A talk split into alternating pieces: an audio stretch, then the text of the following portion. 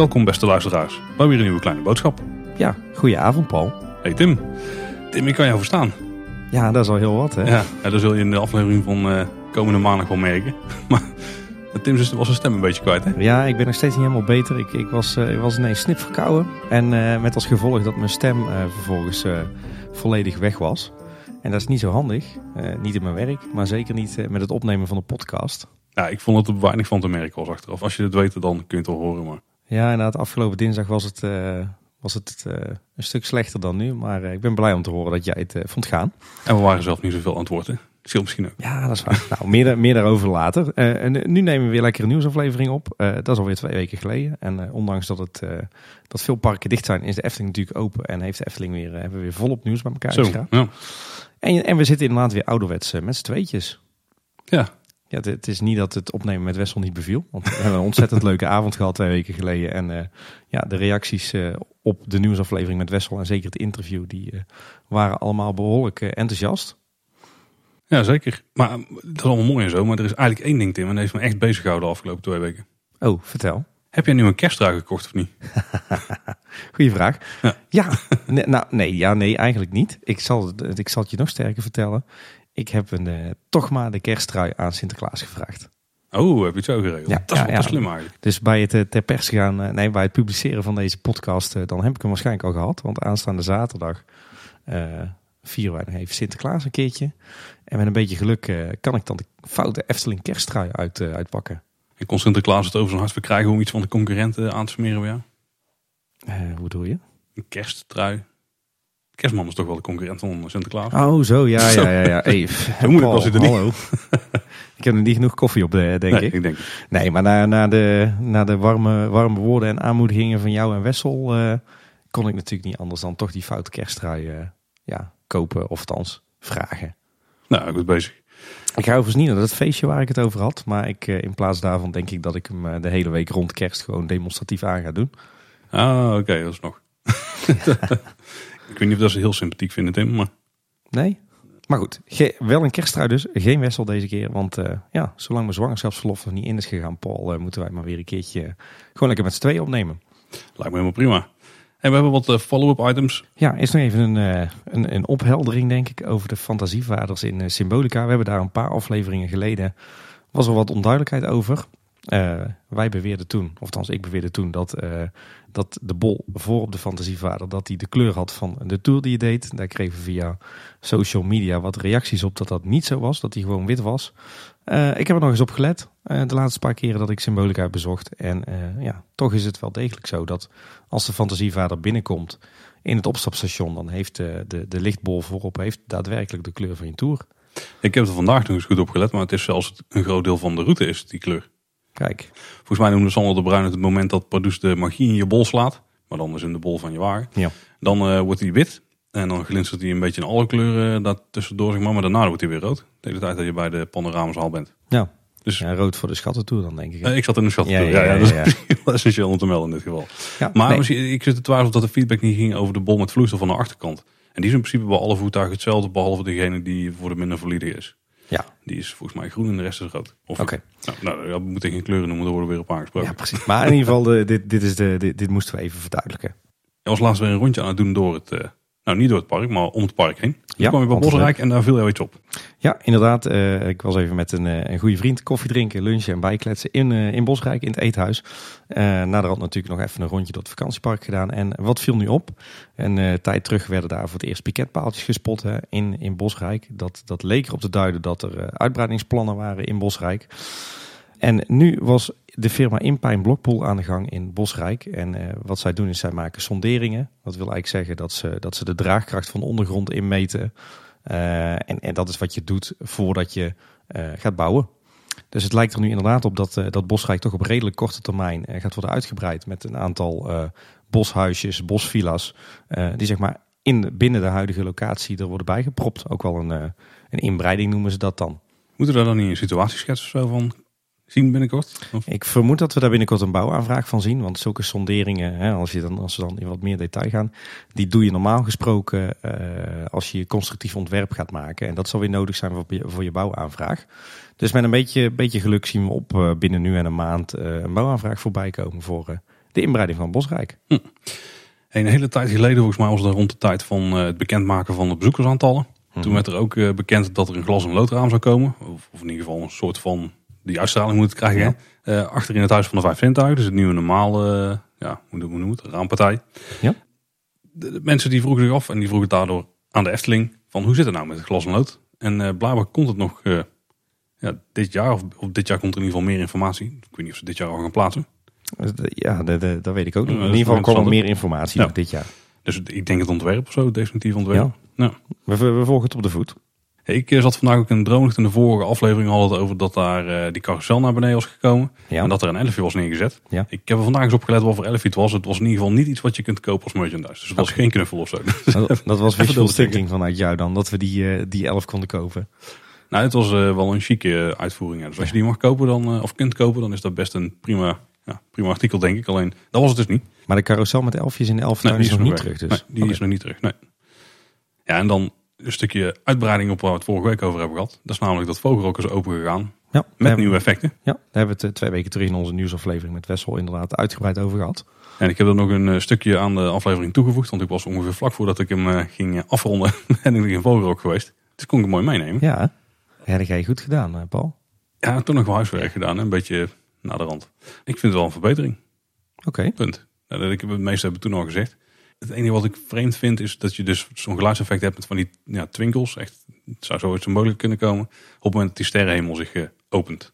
En ik had van de week nog een korte discussie dat die sterren zijn ook paars. Ah, dat is een beetje het nieuwe, nieuwe lichtkleur die ze overal toepassen. Mhm. Een hele attractie. En het is wel een vreemde kleur voor sterren. Ja. Dus hoe ze dat dan precies hebben bedoeld, weet ik niet. Ik dacht zelf van, misschien hebben ze het geprobeerd met wit. Maar kwam daar te veel omgevingslicht door op de andere objecten of zo die je niet wil zien. Mhm. Want het is wel doordat ze paars zijn, zijn ze ook best donker. Hè? Want paars als licht is best wel een donkere lichtkleur, zeg maar. Mhm. Dat is heel, heel vreemd misschien, maar je snapt een beetje wat ik bedoel. Dat straalt weinig uit op de, op de rest van wat er omheen gebeurt. Misschien dat dat de reden is. Of paars is gewoon de kleur die ze hebben besloten te gebruiken. En daarom doen ze het alles in die kleur. Ik durf het niet te zeggen. Ik ben zelf helaas nog niet in Vogelrok kunnen gaan. Dus, uh... Ja, die tunnel aan het einde dus. Dus de vervanging van de Xenos uh, glasvezelbolle tunnel, zeg maar. Mhm. Die is dus wel wit, niet paars. Dus dat, okay. daar is het dan weer wel. Dus, en dat zijn witte ringen, geloof ik. Hè? Dat ja, het zijn, in principe zijn het.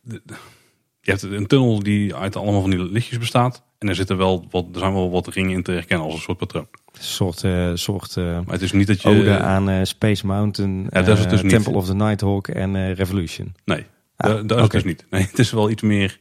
Het bestaat wel uit meer kleine puntjes dan alleen die Oké, oké, oké. Maar je ziet er wel duidelijk ringen in. Dus, die is gewoon is wat dichter op sommige punten dan vormt die ring. Oké, nou ik ben benieuwd. Ik heb het nog steeds niet aan. Kon, kon je trouwens iets merken van de, de remmen op de, de laatste trim? Zijn die nou zijn dat magneetremmen geworden? Daar heb ik eigenlijk helemaal niet op gelet. Maar het, dat is wel stom. ik was mee bezig met die tunnel. En ja. uh, op het moment dat je die remmen inrijdt, dan is er ook een, uh, dan hangt er een lichte mist. En daar schijnen ze met een ik denk ook een laser weer doorheen om zo'n tunnel te creëren waar je dus inrijdt en die verdwijnt daarna. Oké. Dus ik was daar meer mee bezig eigenlijk dan met de remmen. Dus dat heb ik niet gecheckt, nee. Maar De, je, je, je krijgt nu niet een soort van whiplash als je... Nee, dat idee had ik zeker niet, nee. nee. Oké. Nou, mooi. Dat is, dat in ieder geval een verbetering. Wat mensen ook al opgevallen, er zijn inderdaad nieuwe poortjes. Ja. En er is ook een nieuwe schildering boven de, ja, hoe moet het noemen, zeg maar het raam waar de, waar de controle in zit. Daar ja, daaronder geloof ik, hè? Zeg maar boven de, de plek waar je de hal in rijdt. Uh, ja, ja, als je met de hal bedoelt waar, de, waar je omhoog uh, gaat, waar de lift zit. Ja, ja, ja, dan, ja. daar inderdaad. Is dat niet de hal dan? Ja, je rijdt, rij je de hal dan al in? Voor mijn gevoel is het pas als je okay. bovenaan komt. Dan ben je in de hal. ik heb geen idee. Het is donker, Tim. Als je was opgevallen. Ja. Er viel me nog iets op toen ik bij Vogelrok binnenkwam. Vertel. En dat is dat daar gepreseed leek te worden. Bij Vogelrok? Bij Vogelrok, ja. Maar het was een beetje vreemd, want ik kwam naar beneden van die trap en ik denk, hè, we staan, er staan mensen die stonden te wachten. Je, hebt op een gegeven moment heb je het punt, dan uh, kun je eigenlijk het stuk inlopen waar, de, waar je kunt voorsorteren voor de poortjes, zeg maar. Hè? Ja. Dus een soort, laten we het een pleintje noemen. Uh, en daar zit een, uh, ja, een doorgang voor waar je met twee man of zo doorheen kunt, gewoon de breedte van een normale wachtrij. En er stonden mensen te wachten daar in de rest van de rij vormde zich daarachter.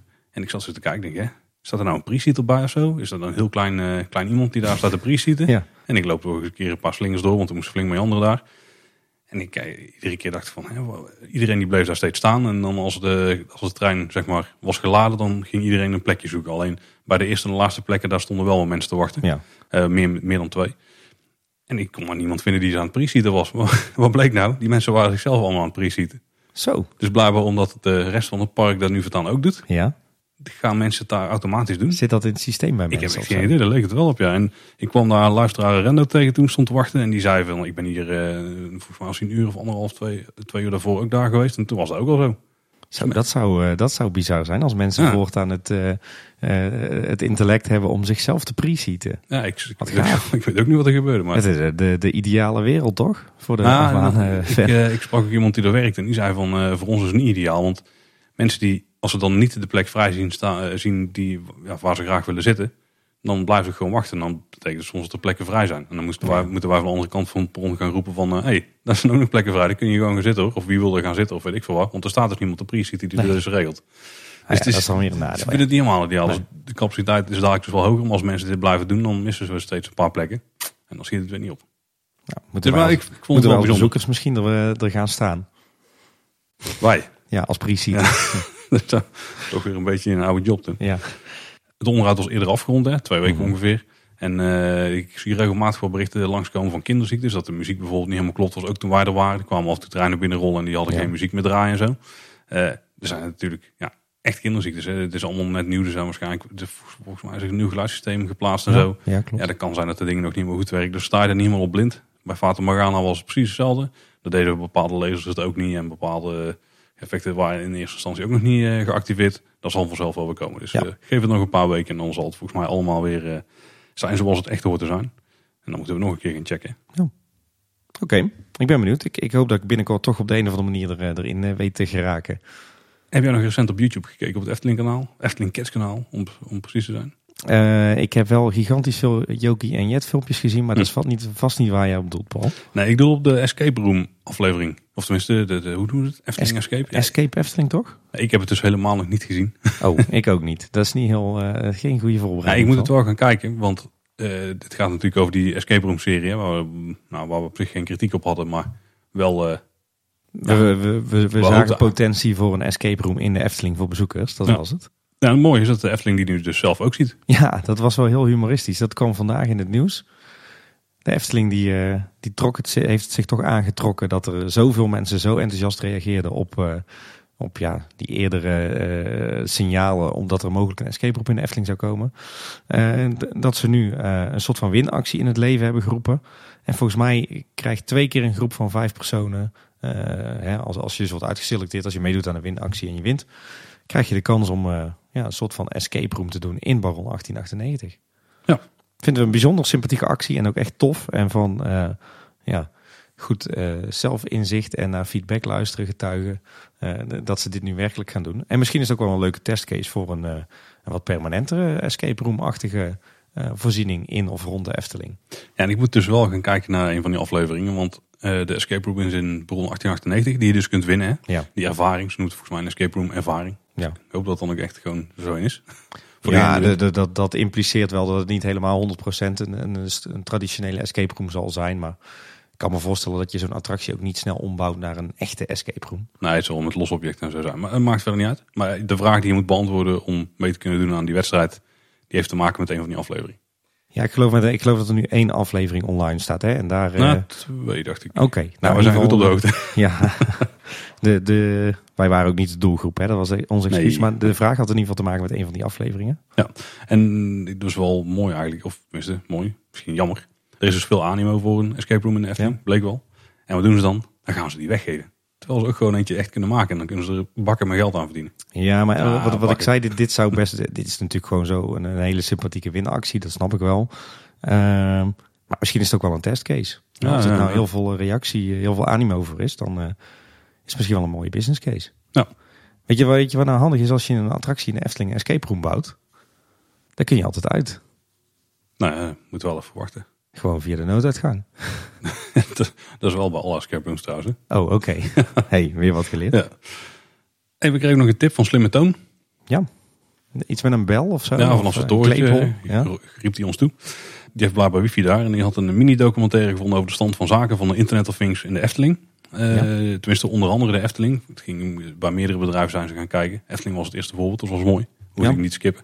Ja, want het gaat over de toepassing van eh, moderne technologie om het, Ja. het onderhoud in de Efteling beter te kunnen plannen en beheersen. Dat was, is denk ik kort door de bocht al een goede uitleg, toch? Ja, eigenlijk was het wel een beetje jammer van het voorbeeld van de Efteling. Dat de conclusie was, we zijn over veel dingen aan het nadenken en zijn aan het uitzoeken. Maar we hebben eigenlijk nog niks draaien. Oh, Dus de, als je de stand, over de stand van zaken hebt, dan, is die, dan, is het, dan staat er nog in de kinderschoenen. nog steeds in de aftastende fase. Ja, dan komt het eigenlijk Hmm. wel een beetje op neer. Ja, ja. Ehm, en Ralf Niels die tweette eigenlijk als reactie daarop van eh, leuk om een hobby, Efteling en mijn werk, Internet of Things, samen te zien komen. Had zelf thuis ook wat zitten klussen. Ik had u nog eens voorbeeld. Eh, hij had de horensignaal van Maarten Hartveld. Die had hij eh, geprogrammeerd op een ja, soort printplaatje hè, of zo. Ja? En volgens mij konden die op verschillende plekken in zijn huis laten horen nu.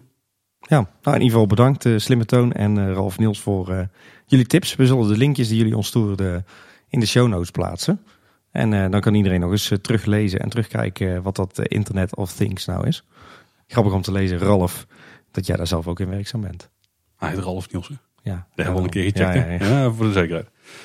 Het bord op Spooksloplein, dat was eh, weggehaald. Waarschijnlijk omdat er wat houtrot in die paal zat. Maar inmiddels is hij weer terug. Ja, inderdaad, het was ook een gevalletje hashtag ophef. Ja, maar bij dat hij weg was of dat hij weer terugkwam. Nou, vooral dat hij weer terugkwam en ook hoe dat hij terugkwam. Ja, want bij Efteling staan ze collectief te huilen ergens. Hè, met Ja, allen. precies. Dat, het, het, het heeft iets te maken. Ik vond overigens het, het bord wat nu terug is, vind ik echt prachtig uitgevoerd. Ze hebben, of althans het bord is hetzelfde als wat het was, maar ze hebben die palen eh, vernieuwd. Eh, daar hebben ze eh, niet zomaar een stuk hout voor gepakt, maar eigenlijk ja, echt boomstam. Hè? Volgens mij was het van een grove den. En daar hebben ze een prachtig ja, een nieuw, nieuw, nieuw soort van constructie van gemaakt. Mhm. En eh, die staat er weer heel mooi eh, op dat plein. Alleen ik geloof dat er wat gedoe was over de richting waarin dat die staat. Hè? ja, een van de puntjes bij de lijst van over detail is dat hij de verkeerde kant op wijst. Een kniezoor die het ziet. We hadden het in de vorige nieuwsaflevering over de familiedag die was georganiseerd in Rauwrijk. Ja. En dan blijkt er dus ook een te zijn georganiseerd in Rijsrijk. Ja, En we zeiden al van, het zou mooi zijn als ze dit in andere rijken doen. En dat lijkt dus het plan te zijn. Dus ik vermoed dat ze gewoon rijk voor rijk heel de Efteling afgaan. Ja, denk het wel. En dit, dit was inderdaad, dit is dan een dag waarop eh, familieleden van personeelsleden eh, mee naar het werk mogen en een kijkje achter de schermen krijgen. Hè? Ja, volgens mij een, eh, een rondleiding door Vogelrok onder andere. Dus was wel heel tof, ja. Ja, heel tof. Ik, in, ik denk dat vijf jaar geleden dat dit nooit had plaatsgevonden in de Efteling. Ehm, maar nu tegenwoordig kan dit wel. En ik denk dat het een mooi stukje waardering is van de eigen medewerkers en hun gezinnen. En de opbouw van de interactieve twinkeltoorts, ja, hoe moet je het noemen? Units, consoles, Ja, units of eh, sokkels standaarden, of, eh, ja. sokkels. Ja. Die, eh, die zijn gereed. ja, dat is heel snel gegaan. Ik geloof dat het twee dagen werk was of zo. Er werd... eh, Was goed voorbereid, denk ik. funderingje gestort, poertje inderdaad, een paar stekrandjes eruit, kabeltjes eruit. En de volgende dag werd er een mooi polyester standaardje op gemonteerd. Is die polyester, denk je? Ja, het is wel voor hand liggend. Ja, denk het wel. Ja. Er zijn een soort van, ja, moet het noemen? Een beetje in de stijl van de, is het van de wonderwachters? Ja, Ja, een beetje, wel, een beetje de wonderwachters, maar ook de, de, de schatkist bij de ingang. Ja, een beetje die koperen kleur eh, is het. eh, rond. Ja, een soort sokkeltje is het, hè? Met een soort halve bol op de bovenkant. Ja, van de heel, vlakke kant naar je toe eh, wijst. ja, met donkerblauwe kleur volgens mij. Ja, en daar staan ook wat twinkels op. Ja. Dus ik vermoed dat daar dan... Heel subtiel over is. Dat is- viel mij, viel mij 100% mee. Ja, het zijn ook niet overal sokkels, hè? Het zijn op sommige plekken... eh, Ja, is het Eh, alleen is het die alleen halve die bol bol? inderdaad. Ja, Ja, En bijvoorbeeld bij de etalage van de Efteldingen is het gewoon op de, de stijl van het kozijn zit inderdaad gewoon die halve bol en that's it. Ja, en er is dus ook eentje op de kookstoof in uh, Polderskeuken. Oh, die heb ik nog niet gezien dan Ja, weer. ik heb wel foto's gezien van Eftelingse straat, maar die uh, zit dus wel echt gewoon binnen. Dus je moet daar echt naar Ja, binnen om met je toverstaf te gaan. Of met je, sorry, twinkeltoorts te gaan Ja, ja, eh, ik vind het een leuke gimmick. Ik ben inderdaad alleen wel benieuwd wat er dus gebeurt. Of daadwerkelijk mensen die niet in het restaurant gaan eten, toch naar binnen mogen. Ja, dat denk ik dus dat er echt wel gaat gebeuren. Ja, maar 9 van de 10 keer staat bij Polskeuken best een serieuze wachtrij. We gaan het zien. Ik heb wel het idee dat het, eh, dat het allemaal effecten zijn die, die nu al bestaan. Ja. Maar die je dus met je twinkeltoorts kunt, eh, kunt activeren of kunt triggeren. En tenzij ze misschien wat extraatjes hebben geregeld, maar er zult vooral lichteffecten zijn of zo, of iets wat erop schijnt. Licht, geluid. Eh, ik denk Ja, dat, we meer in, dat we meer echt in de showtechniek moeten denken. Ik denk niet dat, we, dat, dat, dat er echt heel veel Beweging. eh. extra beweging is toegevoegd. Ik denk meer inderdaad het triggeren van bestaande effecten en wat licht en geluid. Al op zich eh, prima, denk ik, voor wat het is. Ja, ja, ja, ik ben wel benieuwd. Wij gaan er sowieso in scoren. Met vandaag, Ja. nou niet alleen vandaag. Iedere keer dat we nu naar buiten lopen, wordt hij zegt... Papa, we moeten een twinkeltoorts kopen, hè? Of een toverstaf, of ik weet niet hoe ze het noemen. Ja. Ik heb ze niet zo goed onderwezen wat dat betreft. dus Het eh, leeft. Dat, dat lijkt me iets wat jij heel vervelend vindt, Paul. Ik denk dat het, dat het eerste souvenir is van 2018. Oké, Op een tube tandpasta. En het dan, wordt het, eh, dan wordt het hoogste tijd. eh, Ja, ja. Nou, en dan het nieuws, Tim. Ja, we, we, we hebben de follow-up erop zitten. We kunnen naar het nieuws. En, nou, eh, dit is ook een soort van opvolger. Maar, ja, en we Eh. hadden zo graag positief nieuws willen melden, Paul. nou, als we het vandaag hadden geweten. Maar gisteren was het, het moment van opnemen dan, was het 5 december. was de laatste dag dat je bezwaar kon aantekenen tegen het bestemmingsplan. Wereld van Efteling 2030. Ja, bij de Eh, Raad van hebben- State. Hebben we het wel eens over gehad. Heel soms hebben we het daar wel eens over in deze podcast, hè? Dus het was een mooi Sinterklaas cadeautje geweest als er eh, een eh, volledig goedgekeurd zonder bezwaar, ja, hoe moet je het noemen? Zonder bezwaar hebbend. In werking tredend bestemmingsplan was geweest, ja. Ja, ja. Maar dat lijkt nou toch niet het geval te zijn. Nee, nee, we kregen, wat, wat heel mooi was, is eh, letterlijk tien minuten voordat we begonnen met opnemen, kregen we netjes een uh, seintje dat er uh, nu toch duidelijkheid was over het bestemmingsplan, over die procedure. Maar dat er helaas toch bezwaren lijken te zijn ingediend bij de Raad van State tegen het, uh, tegen het bestemmingsplan van de Efteling. Maar, uh, en ik geloof dat Loopings een uurtje eerder ook datzelfde signaal had gekregen via Ja. de gemeente Loon op Zand. Hè? Ja. Maar ja, we hadden allemaal zo vurig gehoopt dat er geen bezwaren werden ingediend bij de Raad van State. Daar leek het namelijk op, want het is lange tijd stil geweest. Ja, want even voor de volledigheid. Ik heb het nog even gecheckt. En uh, als je dus bezwaar wil aantekenen op het bestemmingsplan bij de Raad van State, Ja. dan had je eerder een zienswijze al in moeten indienen. Dus Ja. een van de mensen die een zienswijze heeft ingediend, dus dat waren zeg maar de klachten tegen het bestemmingsplan, eh, of, of, of voor gehoopte wijzigingen, die, eh, die moet dan dus alsnog bezwaar hebben aangetekend, want anders moet het via een andere route. Ja, maar ik geloof dat er iets van 74 of 76 Ja, waren. Dus wat dat betreft is dat eh, dan ook weer niet heel verrassend. Ja. Maar wat mij wel verrast is dat eigenlijk de afgelopen eh, zes weken dat die, eh, dat die mogelijkheid er was, dat eigenlijk niemand de aandacht heeft gezocht via de media. Maar dat er nu dus toch iemand of een instantie of een organisatie is geweest die wel degelijk bezwaar heeft aangetekend. En het is wel iets serieus op zich. Ja, het is wel Ja, iets het serieus. is gewoon goed, Paul. Laten we het maar gewoon zeggen zoals het is. Ja, nee, dat is inderdaad goed. Dat bedoelt dus iedereen's goed recht, hè? want in principe mag je het gewoon doen als burger. Ja, ja het is, klopt. Het is een grondrecht inderdaad, ja. En, eh, aan de andere kant, de Efteling doet het nu zelf. Ja, dus niet echt. Dus dat is dan naar de rand met die gaswinning. Daar gaan ze zelf natuurlijk ook bezwaar aan tekenen. Ja, dus, klopt. dus iedereen die mag het doen. En de, de- dat, is dan, ja, dat is dan zo. Het is voor ons gewoon heel zuur, want wij hopen natuurlijk dat zo snel mogelijk uitbreidingen er komen. ja. Eh, maar het is voor degene die het heeft gedaan, gaat het wel ook eh, flinke duiten kosten. Het gaat flink in de papieren lopen, ja. ja. Dus het is wel een serieus. Als je, als je dit doet, dan is het wel, dan ben je in ieder geval serieus. Ik vraag me ook heel erg af dat dit een eh, buurtbewoner gaat zijn. Hoor. Als het al een buurtbewoner is, dan verwacht ik dat het een collectief van buurtbewoners is. Maar ja, het grootste collectief is die stichting eh Behoud eh, Natuur en Leefomgeving Kaatsheuvel. En die hebben eerder gezegd dat ze het zeker niet gaan doen. Ja. Dan moet het bijna een organisatie zijn. Misschien iets uit de milieuhoek of iets dergelijks. Ja, zou kunnen. Ja, dat, dat, dat komt dus, misschien is het al bekend tegen de tijd dat deze podcast uitkomt. Dat Ja, weten we niet. Inderdaad, er is ons in ieder geval beloofd, ook vanuit de Efteling, dat zodra er meer info is, eh, dat, dat wij dat dan ook eh, te horen krijgen. Dan zullen we dat ook zeker melden via social media. Maar voor nu is het nogal een domper, zeker omdat we eigenlijk niemand er meer op had gerekend. Want het betekent nogal iets. Ja. Het, ja, het heeft best wel consequenties voor eh, de plannen van de Efteling om verder uit te groeien. Ja, wat betekent precies, Tim? Want ik, we hadden het net al even over voordat, voordat we gingen opnemen. Maar Ja, en laten we in, in het gunstigste geval, eh, hè, dus er even van uitgaan dat de Raad van State uiteindelijk zegt van nou, dit is, dit, dit, deze procedure is zorgvuldig geweest en ga zo door. Dan zit je er nog steeds mee dat eh, het, eh, de Raad van State een zitting moet gaan houden en daar hebben ze een jaar de tijd voor. Dat betekent dus ook dat het eerder kan, maar de- ik lees wel her en der dat de verwachting is dat het meestal ook wel ongeveer een jaar duurt. zo. We zitten nu in december 2018. Laten we ervan uitgaan dat er eind 2019 dan een zitting is van de Raad van State.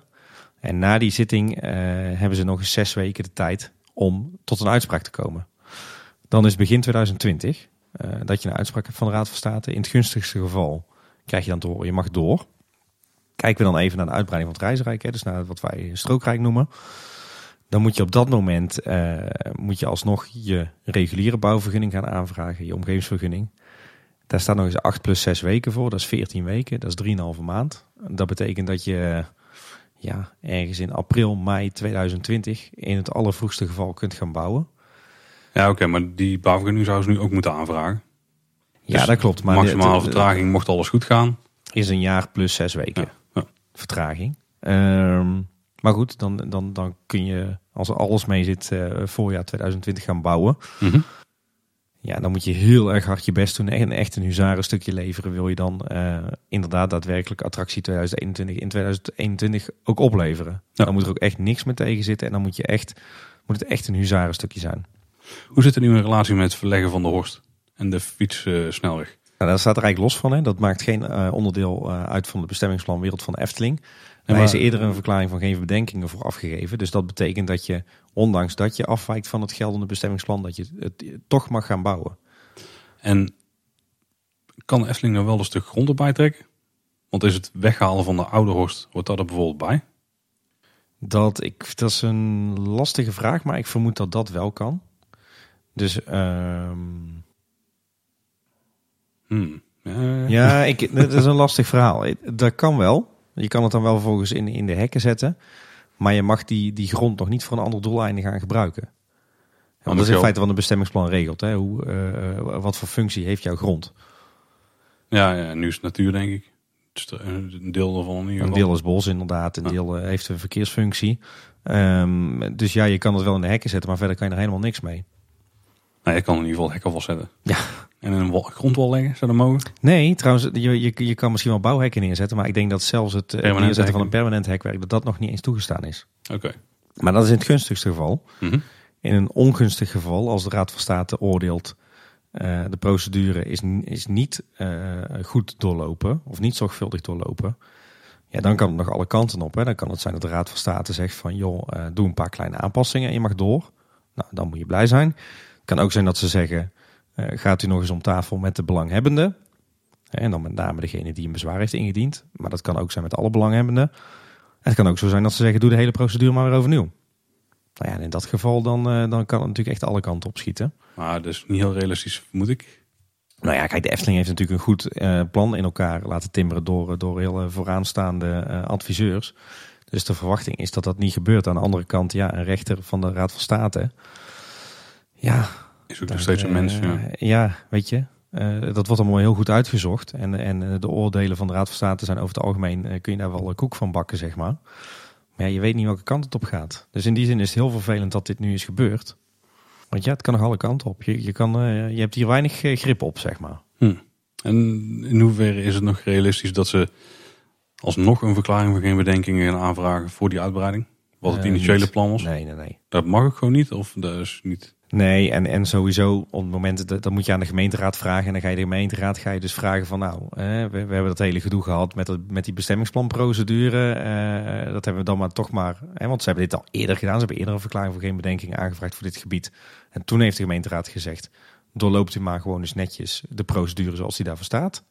Dus wijzig het bestemmingsplan. Dan zou natuurlijk wel heel raar zijn als de gemeenteraad zegt van hmm, ligt het bestemmingsplan bij de Raad van State. Nou, dan verlenen jullie toch een soort van ontheffing om toch maar wel te doen.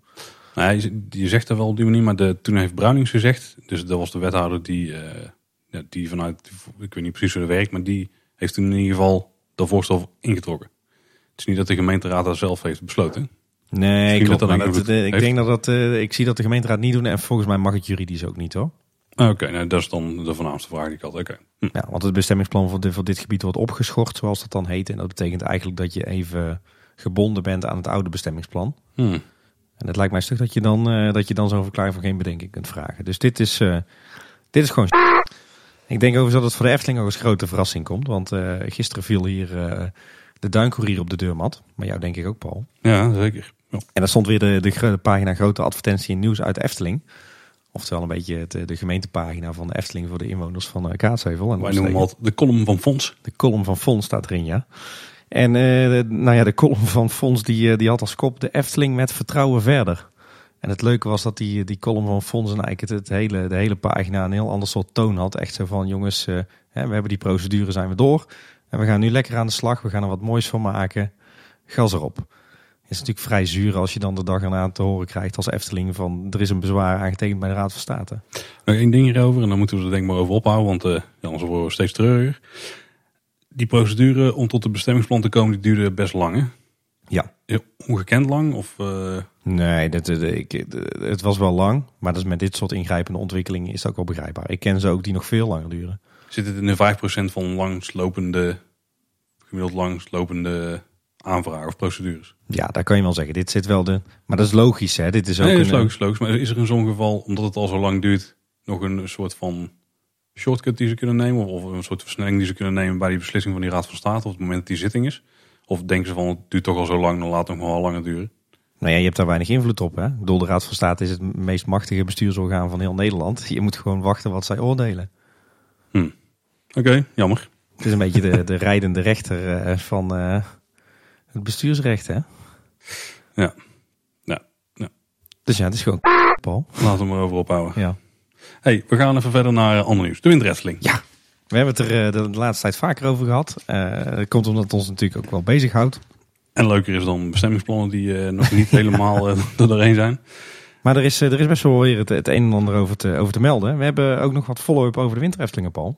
Ja, want we zijn inmiddels een paar keer geweest natuurlijk. Ja. En een van de zaken wat we de vorige keer over hadden was de muziek in de winterefteling. Ja. Daar weet jij vooral meer van.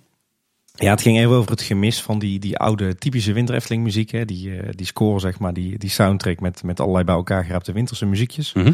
Die ik toch wel mis. Ik zei toen dat hij dit, eh, dit seizoen alleen in het diorama te horen was. eh, of te- is. Maar dat blijkt niet waar. Hij is namelijk ook gewoon te horen in het IJspaleis. En op het grote Gondoletta-eiland. Dus blijkbaar liggen die cd'tjes er nog steeds. Alleen worden ze niet meer zo, zo wijdverbreid door het park afgedraaid als voorheen. Maar ze zijn er nog wel. Ik weet niet. Moeten we er blij mee zijn? Ja, we ook wel. hè? Ja, ik Jouw vind dat nog steeds. eh, ik vind, ondanks dat natuurlijk de parkmuziek van René Merkelbach kwalitatief stukken beter is, vind ik dat wel nog steeds veel meer een sfeermaker eigenlijk. Oké, en we hadden ook nog een, eh, een anonieme en onbevestigde operationele uitleg gekregen over de stroopwafel. Ja, die, die eh, dipstroopwafel. Hè? Ja, precies. Want dat was dan de niet verse stroopwafel. Die gebruiken ze om, het- om te dibben. En de verse stroopwafel die, die is namelijk nogal zacht. Tenminste, als je hem krijgt. Hè? Want dat Ja. is dat, die, die klussen ze live in elkaar voor je neus. Eh, en de stroop die loopt er dan alle kanten uit. En als je daar dan warme chocolade en dip overheen gaat, dan, eh, ja, dan, dan smelt dat ding bijna uit je handen. Dat Ja. is wat we hebben gehoord. Dus eh, vandaar dat ze waarschijnlijk voor die, die ja, verpakte variant gaan, die dus niet zacht is omdat er nog warme stroop tussen zit. En dan blijft het dan toch een beetje beter bij elkaar. Dus wat we inderdaad hadden gehoord van jouw vrouw, Tim. Ja, precies. Die, Dat eh, lijkt die, ook had wel die, vermoeden, die had dat vermoeden. Die heeft natuurlijk ook ervaring in de Efteling. hè. Ja, precies. Eh, dus niet bevestigd dit overigens, maar eh, het zou wel eens kunnen zijn dat dan het It, geval eh, is. it inderdaad. makes sense. En het, eh, het reuzenradje, daar kregen we nog een tip over. Die eh, stond een tijdje geleden, in april volgens mij, eh, bij de Pathé Arena. Tijdens een speciale screening van een film Love Simon, Ja. denk ik. Ik ken hem helemaal niet. En Garfunkel was er niet bij deze keer. Maar er was inderdaad, er zat een fotootje bij, was een tweet van Mark Knoop. En dat is inderdaad exact dat reuzenrad. Ja. Die herkennen aan het bordje, ja, en ook verder aan de uitstraling. Maar de bordje hebben ze inmiddels vervangen, hangt een nieuw bordje op. Oh, dat heb ik niet gezien. Ja, dus eh, ze hebben nu toch een bordje in Efteling-stijl gedaan. Er staat nu Oh, niet cool. meer eh, nostalgisch reuzenrad zo eh, Oké. Dus, Wat staat er nu wel boven dan? nou, er staat er misschien nog wel boven. Ik weet eigenlijk niet wat er boven staat. maar het is in ieder geval een ander bord. Lekker voorbereid, Paul. Ja, goed hè. Ik weet, we weten in ieder geval dat het een ander bord is. Dan hebben we ook nog wat, wat, wat nieuwtjes over de winter Efteling. Ehm, toch nog een aantal zaken die we in een eerdere aflevering niet wisten of die inmiddels zijn gewijzigd. Zo viel mij nog op dat er dit jaar tijdelijk extra verlichting is gezet op het Huis van de Vijf Zintuigen. Blauwe, blauwe ledbakken.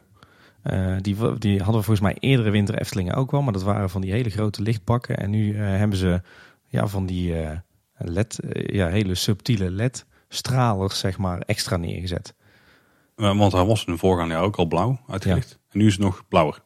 Nou ja, nu, nu, nu zijn die, die, die grote lichtbakken die, je dan, die dan altijd tijdelijk er weer bij werden gezet. De Huis van de Vijf Zintuigen wordt altijd een beetje blauwig uitgelicht. Maar in de winter is die nog net even een paar tandjes extra blauw. Voorheen zetten ze altijd van die grote lichtbakken neer. En nu hebben ze van die hele mooie subtiele led-spots eigenlijk. En waar staan die dan? Die, die hangen bij, eh, bij de vaste verlichting, zeg maar, erbij. Oh, zo. Ja, ja, ja. Oké. Dus eh, eh, hopelijk komt dit ergens in de, in de toekomst, wordt dat op een vaste manier uitgevoerd. Het ziet er in ieder geval netjes uit. Ja. Verder zijn er ook weer nieuwe plattegrondjes. Alle verzamelaars onder ons, die hebben ze natuurlijk al. Ik in ieder geval wel. En ik was ze netjes aan het opbergen. En toen viel mij op dat op de, de Franse versie van de plattegrond, eh, dat de datum niet klopt. Want daar staat, eh, de- daar staat de datum op eh, eh, 2017, 2018 in plaats van eh, 2018, 2019 wat het moet zijn. Dus die data die kloppen niet. Ah, die Frans lopen allemaal een jaartje achter. Ja, maakt niet uit. Maakt niet uit. En oud en nieuw, dat is helemaal uitverkocht hebben we inmiddels gehoord. Ja, dat was half november al, Ja. al helemaal uitverkocht. Dus ja, we kunnen niet meer de tip geven. We gaan erheen als je een leuke oud en nieuwe avond wil hebben. Want daar kan je Nee, niet meer. precies. Ja, je Wel- kunt voor de wel- poorten wel- gaan staan, maar Wel tof dat dit evenement zo populair is. ja. Ja, is, is, biedt toch enig perspectief voor een hardticket event. Hè? Of andere hardticket Ja, events. ja, Dit ik is er ben, natuurlijk. eh, wij zijn voor, Paul. Ja, zeker. En eh, een van de, de zaken die werd gemeld al in het blog is dat er van die witte bollen op de vijvers aan de eh productpromenade zouden worden gelegd. Of dat die erin Ja. zouden worden ge- Ja. gelegd.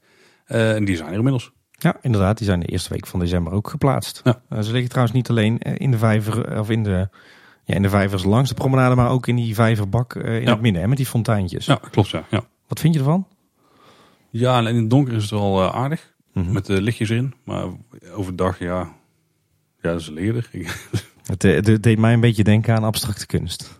ja, dat kan ik me wel voorstellen. Ja, zodra de licht in komt, dan is het, dan is het wel meer sfeermakend. Maar ik kan me wel voorstellen wat je ermee bedoelt. Ja. Maar ik word er niet super warm of koud van. Ja, het is Nee. iets kouder dan in de zomer. Ik, ik vond het ook niet storend. Ik denk als het ergens kan, zo'n experimentje met een beetje wat abstractere aankleding, dan is dat wel op de Paduspromenade. Ja, ze liggen overigens ook eh, achter, of in, die, eh, in die bloemperken. Ja, klopt ja. ja. Dus ze hebben ze eigenlijk overal neergelegd. Gewoon de hele. Ja. En op het Eftelingblog eh, hadden we al eerder de hartige snacks aangehaald. De zoete snacks die Ja. er dit jaar waren. Eh, maar inmiddels ook de winterse dranken. Ja, precies. Het hele horeca aanbod komt langzaam maar zeker voorbij op de blog. Ja, misschien, wat, missen we hier nou nog? De, de koude dranken. Misschien een nieuw assortiment. Ja, precies. Cola, sinaas. Ja, nee. Oh ja. Maar er, eh, ja, ook deze winter Efteling zijn er weer aardig wat dranken. Zullen we even snel eh, langslopen, Paul? ja, ik eh, heb me er niet heel erg in verdiept, dus ik laat er jou over. Nou, bij de, in de, de chalets rond de, de vreugdevuren, de kampvuren dus en in een aantal andere verkooppuntjes eh, heb je deze winter de stroopwafel koffie special. Die, eh, die kennen we natuurlijk al, die, eh, die, die was al verkrijgbaar bij een aantal punten. En eh, de gingerbread special, Mhm. daar zit een eh, zo'n peperkoekmannetje op. Eh, we hebben de warme chocomelk kokos special. Het is allemaal speciaal dit, hè? Ja, ja, ja dat, is, eh, dat is een warme chocomel met, eh, met wat van die kokoslikeur eh erin, slagroom erop en mini marshmallows. Oh. Die kan je op verschillende plekken krijgen. Dan is er een speciale Eft- Winter Efteling mok, zo'n grote gele mok, die volgens mij echt al sinds het begin van de Winter Efteling meedraaien ieder jaar. Deze keer staat er een, is hij in de Ravelijn thema en staat Ruiter Thomas erop en dan kan je een warme chocomel in krijgen. En wat, wat er natuurlijk ook is dit jaar weer is schrobbelair. Eh, en wat ik zelf van een hele, hele leuke vond is de glühwein special. Daar zit namelijk niet alleen glühwein in in glaasje, maar ook eh, citroen, appel en steranijs. En eh, zowel de schrobbelair als de glühwein zijn eigenlijk nagenoeg in de hele winter Efteling te verkrijgen. En speciaal voor de kids is er dan ook nog chocolademelk in vier kleuren. En die kun je krijgen bij de Kleine Klaroen, de Hollandse Overvloeds en de Vliegerfluiter. Toch een eh, mooi aanbodje denk ik aan, aan speciale winterse dranken. En ik heb mezelf inmiddels al eh, gelaafd aan de, de Chocomel eh Coco Special en de, de stroopwafel koffie. Dus, eh, en die waren, vielen allebei erg goed in de smaak. Het is niet goed voor de, de calorieën en de, de kilootjes. En ook niet voor de portemonnee. Maar ja, het is winter Efteling en dat is maar 11 weken per jaar. Dus dan moet je er gewoon van nemen. Toch Paul? Ja, zeker. En we kregen trouwens nog een mailtje van Sjoerd, luisteraar. En die heeft dan dankzij ons ook de schrobbelair ontdekt. Oh, Ja, die zit namelijk regelmatig aan de absint. Eh ik dacht vroeger altijd dat het een heel spannend drankje was. Maar dat is tegenwoordig heel erg geaccepteerd en acceptabel en zo. daar word je toch helemaal eh kriegel van? Toch helemaal eh, Ja, wals? ik, ik dacht dat het eh, een favorietje was van Vincent van Gogh of zo. ja, die heeft Ja. ooit, ooit een keer zijn oren afgesneden naar aanleiding van zo'n... Goed onderwerp dit voor Ja. podcast voor alle leeftijden. Ja, precis. Maar die was in de Efteling, kocht hij een vervangen voor zijn favoriete drankje. Ja, en toen, toen kwam hij natuurlijk uit bij de schrobbelair dankzij ons. ja. En dat was hem goed bevallen. Hij zegt dat hij het vindt smaken naar een zoete absint. En dat het een goede verwarmer is op een koude winterdag in de Efteling. Ja, dat laatste ben ik sowieso met hem eens. Of het een vervanger is van absint, weet ik niet. Want ik heb Nee, nooit ook absint gezeten. Ze maar zit ik ook niet helemaal in die wereld. het is in ieder geval een kruidenbittertje uit, eh, uit Tilburg. Voor degene die zich dat afvragen. Maar ik, eh, ik kan in ieder geval de chocomel special en de, de koffie special eh, zeker aanraden. Jij bent eh, ook een volledige dag naar de winter Efteling geweest. Ja, ik, ik ben, ben al heel veel ochtendjes geweest. Maar we hebben nou eindelijk eh, ook eens de, de tijd gehad om een keer een, een volledige dag in de Winter Efteling door te brengen dit Echte seizoen. winter Efteling experience. Ja, inderdaad. Dat, eh, dat, dat was geen sinecure tot nu toe. Omdat eh, vanwege al die uitkopen natuurlijk in de weekenden. Ja, dat klopt ja. En die komen er nog een paar aan ook. Ja, dus, dus vandaar eh, die, die, die eerste keer dat het kon, zijn we toch maar even geweest. En ik, ja, ik ben de, deze, dit seizoen alweer helemaal verliefd geworden op de winter Efteling op Paul. We hebben daar echt zo'n lekkere dag weer gehad met, met al die kampvuren. En ja, je hebt, de, de Efteling is gewoon, je hebt zoveel uren dat, dat het park donker is en dat je kan genieten van die lichtjes. En Ja, nou dat is inderdaad wel echt een groot voordeel van de winter. Vol, volop entertainment. En eh, ja, ik, eh, ik, ik ben weer helemaal verliefd op, eh, op, dat, op, op het, het evenement op de Winter Efteling. Ik had een paar hele leuke, aangename verrassingen. het ontzettend goed naar ons zin gehad jaar op de Beierse Markt. Mhm. Dat, dat was voor mijn gevoel altijd toch een beetje cheesy, hè? Met, met, met die, die goedkope blokhutten en dan zo'n ski-carousel of zo'n rodeo-stier. En dan Jurgen Freilich die daar aan het brallen was. Maar dat is nu echt een ongelooflijk sfeervol plekje geworden. Ja, die oude blokken die zijn natuurlijk al een jaar of twee niet meer Nee, volgens mij. nee, nee, klopt. Ja, die, dat draag je dan op de een of andere manier met je mee. Maar, maar het is nu zo, zo schitterend met, met, met dat grote kampvuur. En dan dat, eh, dat nostalgische reuzenrad. Wat echt een fantastische toevoeging is. Wat daar ook super goed past. En dan al die besneeuwde dennenbomen. En dan de, de lichtpuntjes die daar af en toe optreden.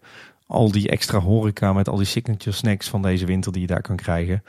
Ja, wij hebben daar een aardig wat tijd doorgebracht. Het is ook ideaal, want eh, ik kom bijvoorbeeld eh, lekker met mijn dochtertje een eh, behoorlijk aantal keer in dat reuzenrad. Terwijl mijn vrouw, die natuurlijk hoogzwanger is, even komt bijtanken met een chocomelletje bij, bij het, het, het vuur. Ja, en de lichtpuntjes zijn natuurlijk sowieso een top act, vind ik wel. Ik mag dat zeggen, want ze zaten ook in mijn favorieten bij de entertainment aflevering. ja, dat, dat- ik moet zeggen, die Beierse markt, dat is absoluut een aanrader. Als je het hebt over wintersfeer, moet je daar deze winter echt gaan kijken. Wat was jouw reuzenradervaring? Ja, tof. Ja? Ik vond het geweldig. Hoe ging het eh, bij jou? Want jij was op een drukkere dag, want het was een weekend. Ja, het was in het weekend. Eh, de wachtrij bij het reuzenrad viel heel erg mee. Maar moest je, kon je blijven zitten zolang als je wilde? Of, Nee, eh, nee, nee, nee, nee. Er was wel een, een beperkte ritduur, maar die was op zich, het was een aantal rondjes en dat was verder prima. Oké. Maar dat was gewoon eruit, weer terug in de rij gaan staan en binnen, binnen vijf tot tien minuten zat je er weer in. Oh, oké. Maar ik vond het echt een superleuke attractie. Mijn dochter was er ook helemaal fan van, dus nee, was top. Nou. En eh, ja, een aantal andere de, er, positieve verrassingen eh, vond ik nog. was sowieso heerlijk om de bob weer een keer te doen in het donker in de winter. Dat is ook al een, eh, een extra toffe ervaring. Ja, dat- Weet je wat ik trouwens vandaag had? Nee. Ik was niet naar Bob geweest overigens. Maar ik liep daar rond. Daarover later misschien meer. En het miezelde een beetje. Ja. En al zeker twee uur of zo. En hij was gewoon open. Wow, vet. Ja, Wel jammer dat je er niet in bent geweest. Want ja dan is ik kon niet. Ik had twee kleine kinderen bij. En dat is net iets te veel eh, ja. om vast te houden. twee Nee. mensen die naast elkaar kunnen zitten. Dus eh, af en toe kan het nog hè. Ja. Als je een beetje Ja. geluk hebt. Let goed op in. Ja, zeker. Nee, ik, vond, ik vind het echt een aanrader. hoor. De bob moet je echt een keer eh, in de winter doen met, met die winterkou. Dat, dat hoort er toch bij. En dan s'avonds uh, laat in het donker. En dan uh, is het toch best mooi uitgelicht. Hij ging ook een stuk harder, moet ik zeggen, voor mijn gevoel. Het was echt een gaaf ritje. Wat ik ook leuk vond was, uh, wat me opviel, was het plein achter het spookslot. Mm -hmm. Dat, dat is eigenlijk tijdens de, tijdens de voorgaande winter Eftelingen was dat over het algemeen een vrij donker, mysterieus pleintje. En ze, ze hebben het daar nu over een hele andere boeg gegooid. Ze hebben nu al die vo vogelkooilampjes, die, die voorheen zeg maar hingen op het pad uh, uh, vanaf het Piranhaplein naar, het, uh, naar, naar de Game Gallery, zeg maar naar het Ruigrijk. Mm -hmm. Dat ja. was die lange asfaltweg, de, de zwembadlaan heette die vroeger. Daar hing zo'n heel lang uh, lichtsnoer met allemaal van die vogelkooitjes met lampjes erin. Nou, ze hebben die hele lichtsnoer hebben ze nou uh, in de bomen gehangen bij het Spookslotplein.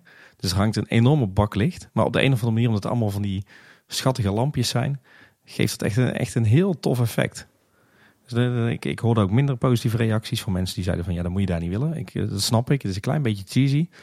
Maar het was wel echt een super gaaf effect zo in het donker.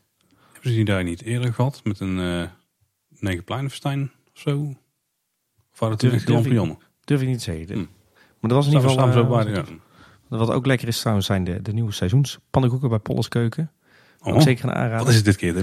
Het is een, de, de hartige seizoenspannenkoek is een soort opgevouwen kebabpannenkoek. Oké. Okay. Voor de liefhebber van Turks zeker een aanrader. Ja, ze hebben al een shawarma pannenkoek. Ja. En wat ik, uh, waar ik zelf voor heb gekozen, want uh, natuurlijk ook weer even geluncht bij uh, is de, de zoete seizoenspannenkoek. Mm -hmm. En die is dit seizoen is die, gemaakt van gesmolten brie, stukjes peer, walnoot, honing en lenteuitjes. Oké, okay, is niet helemaal mijn hoek. Is dat de zoete? Dat is de zoete, ja. Vond okay. ik ook verrassend. Maar ja, ik, ja. ik vond hem aangenaam, aangenaam smaken. Nou, oké. Okay. Ja.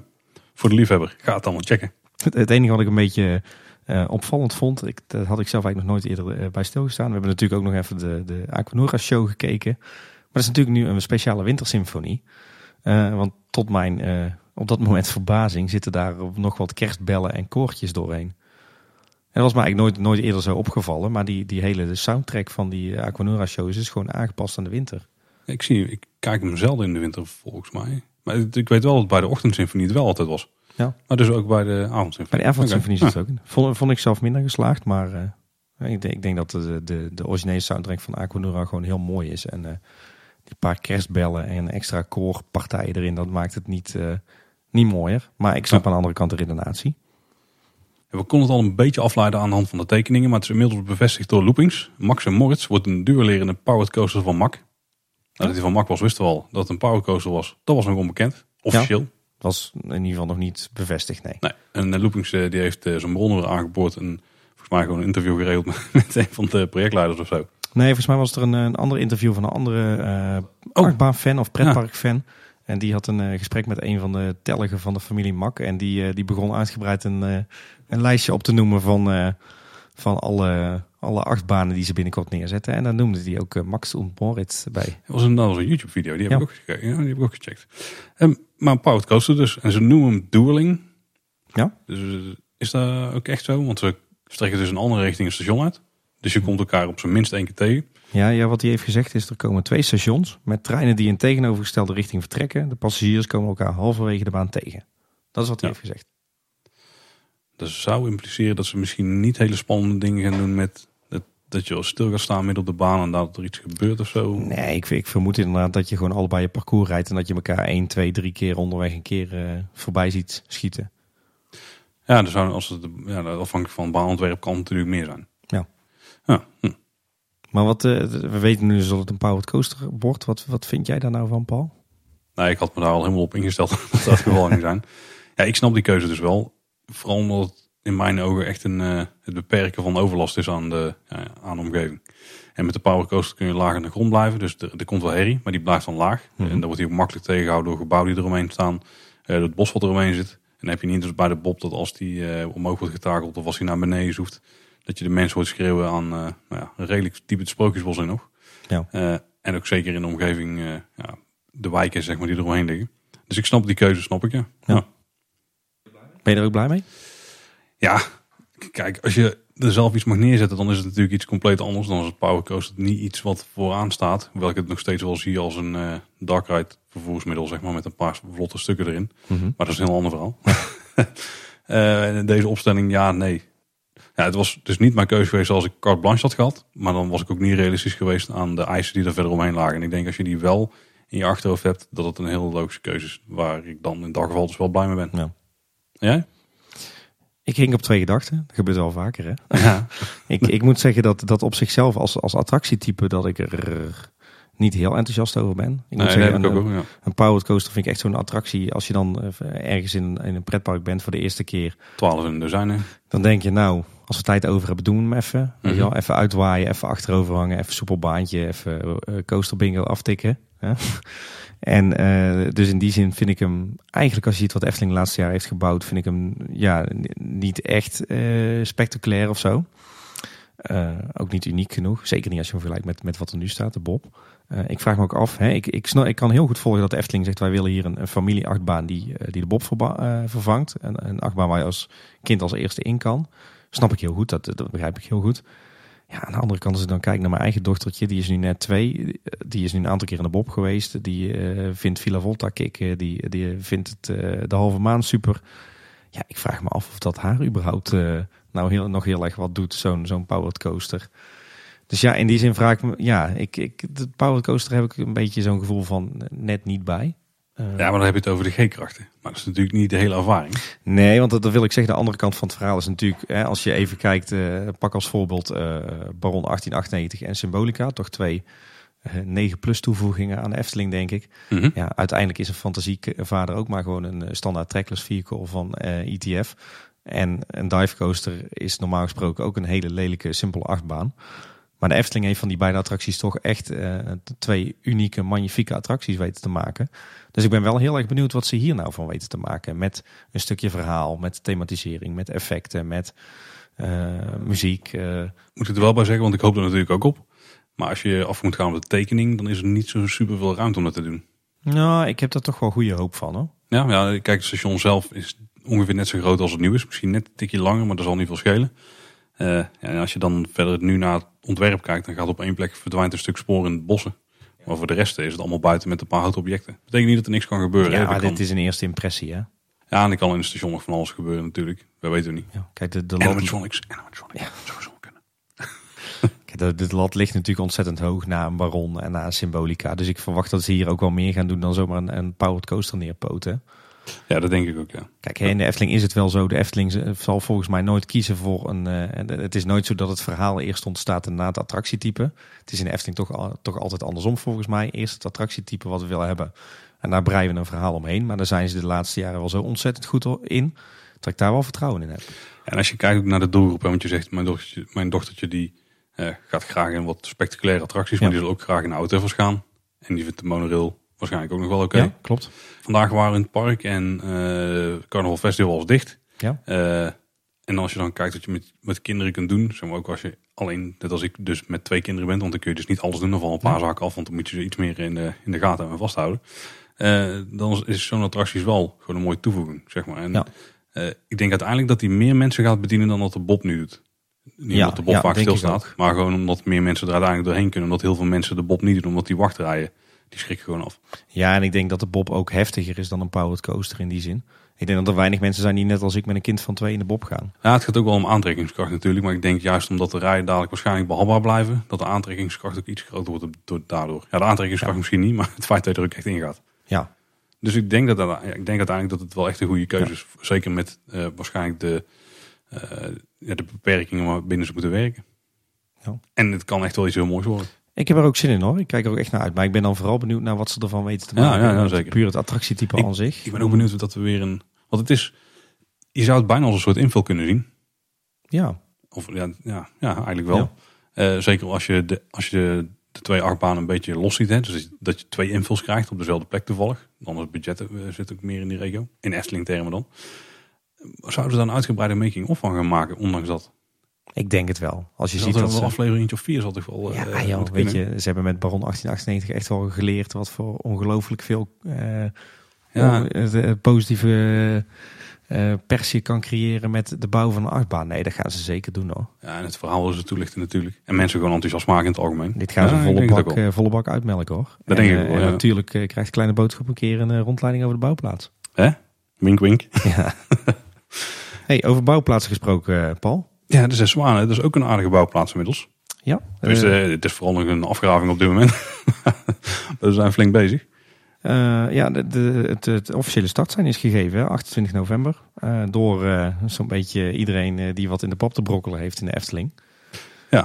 Maar voordat het zoveel was, moesten ze wel eerst even wat gaslekken dichten en zo. Ja, precies. En er is de afgelopen tijd, wat, er tot nu toe is gebeurd, is dat de bomen zijn gekapt, dat de bouwput is uitgegraven en dat er wat is gewerkt aan kabels en leidingen. Dat is een beetje wat er eh, tot nu toe is gebeurd, is mijn eh, idee. Voet Eh, ja. En bij die graafwerkzaamheden is er een koppeling van de gasleiding afgetrokken.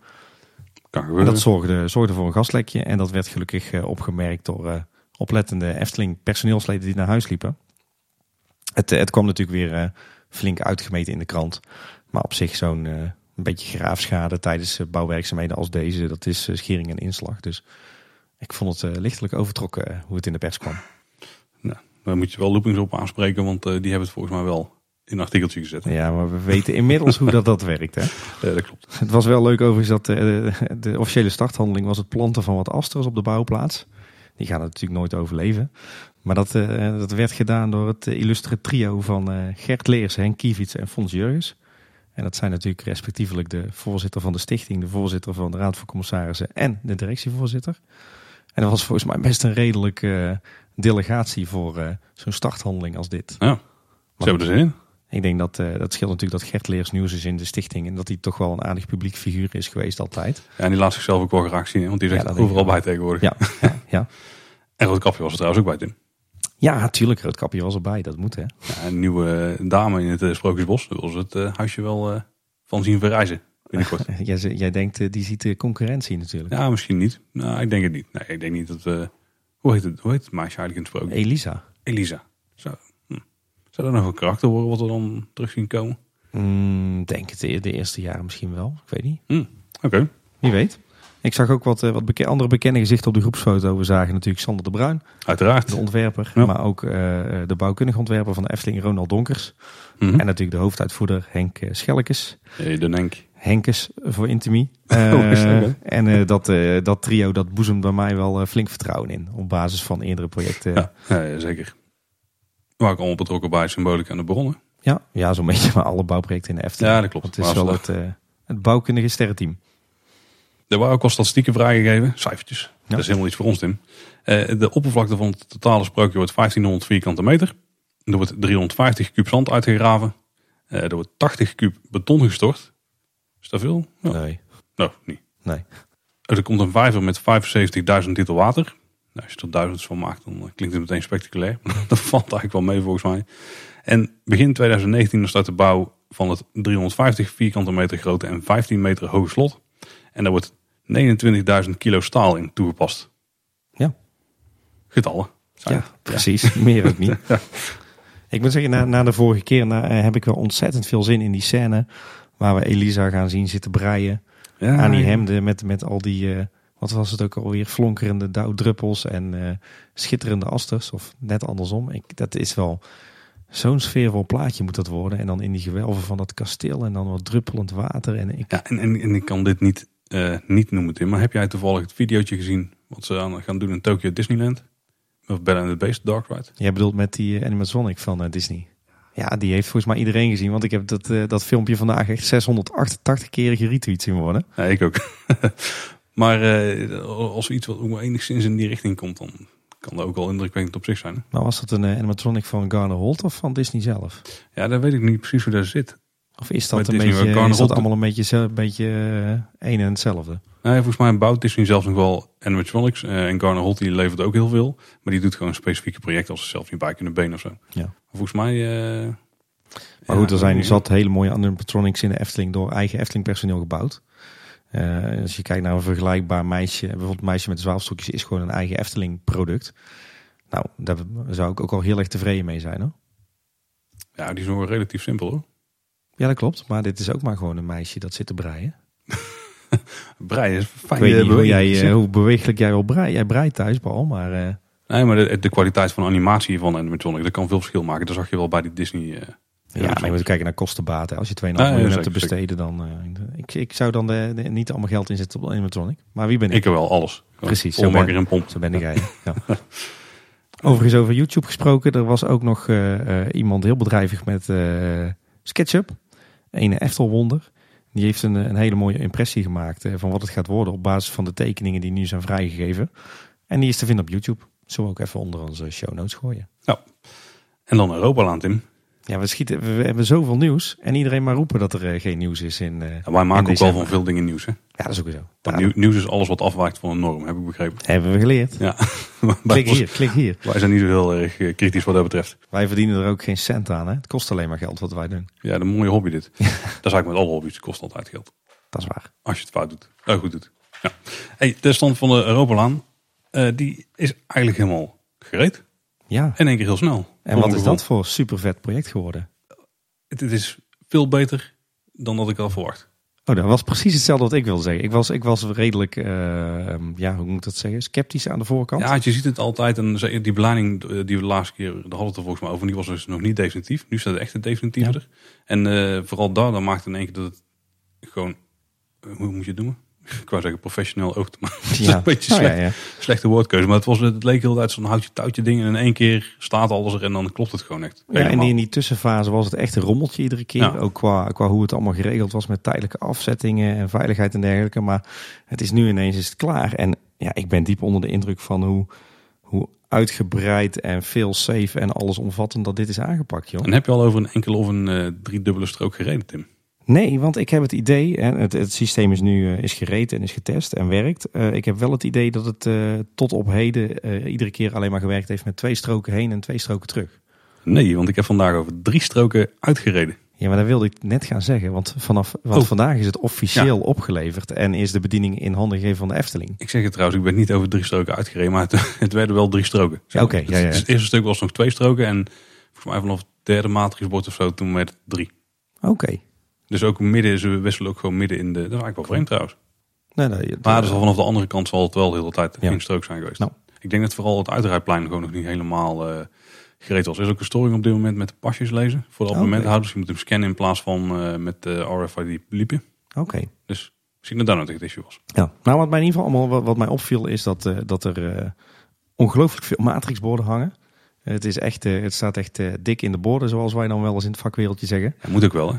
Ja, het, het, zijn, het, is echt, het zijn er echt veel meer dan ik had gedacht. Het zijn uh, vijf portalen, maar zeker in het begin, als je komt vanaf de snelweg en je rijdt richting Efteling, dan heb je er echt flink wat na elkaar.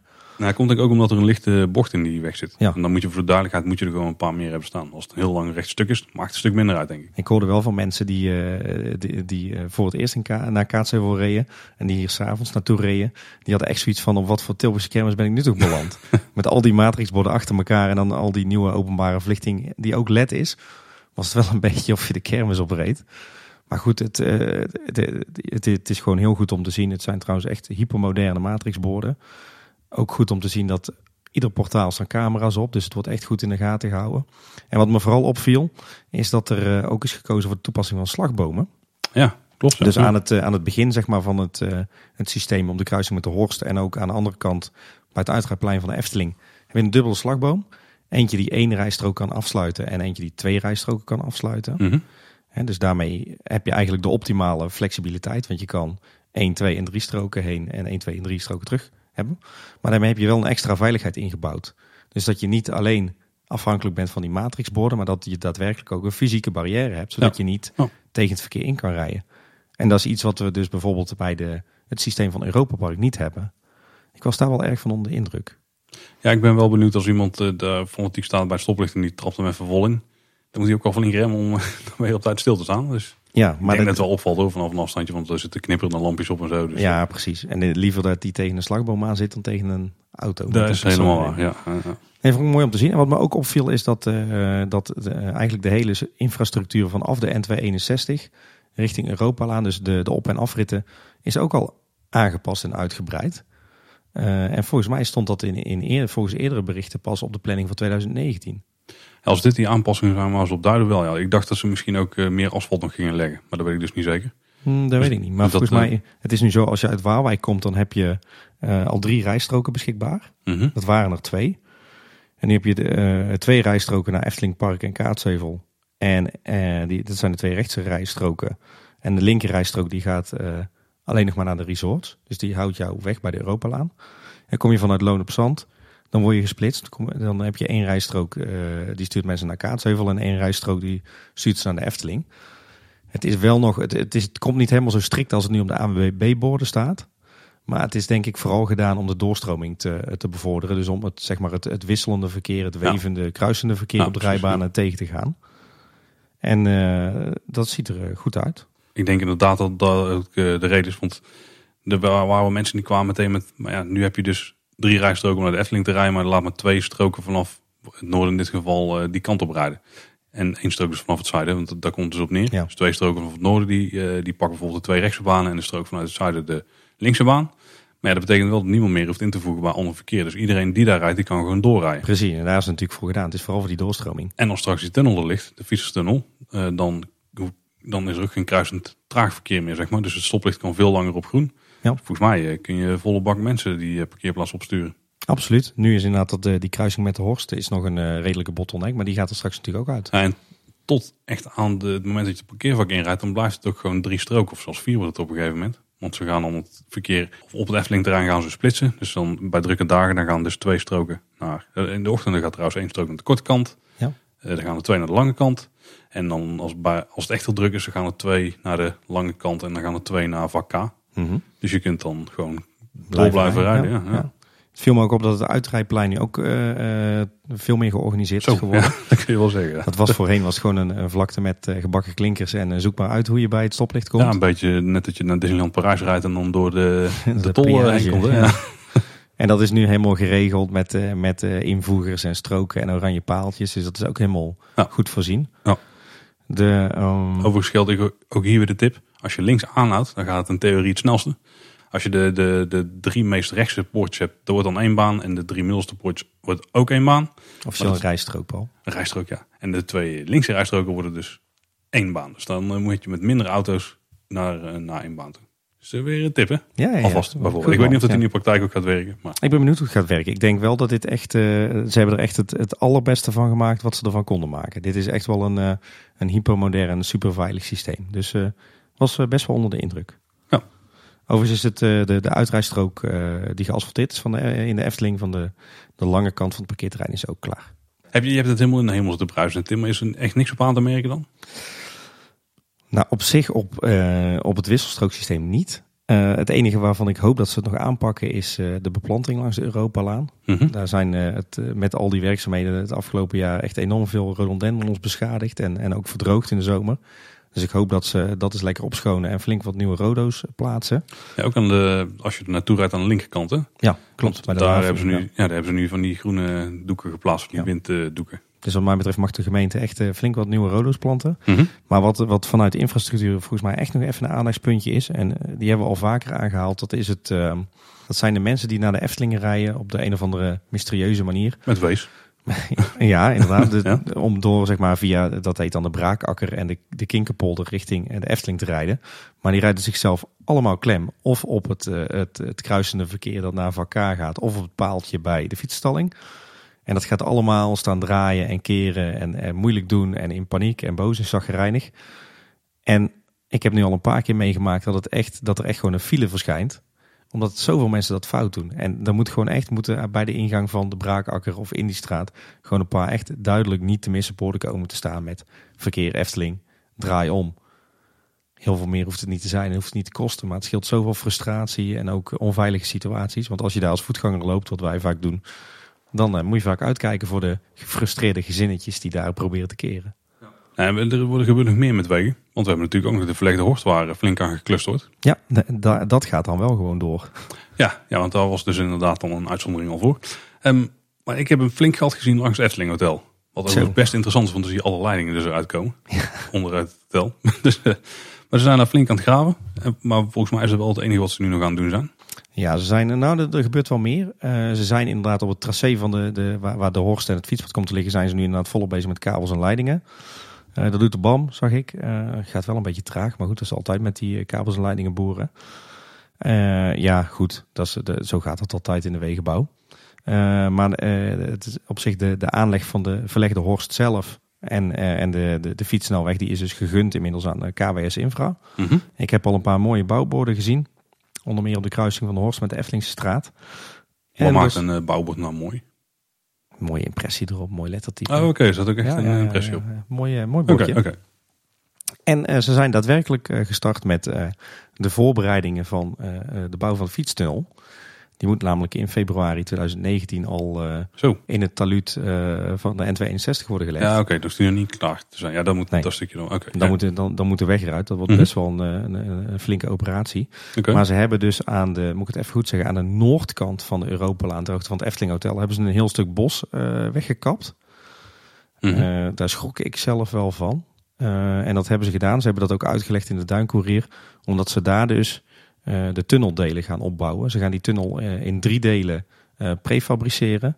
En dan gaan ze daar doen. Zodat ze hem daarna vanuit daar erin kunnen schuiven. Maar goed, daar is nu dus wel een heel stuk bos voor moeten wijken.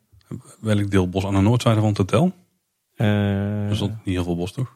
Nee, echt aan de andere kant van de oprit naar de snelweg. Dus aan de, bij het tankstation.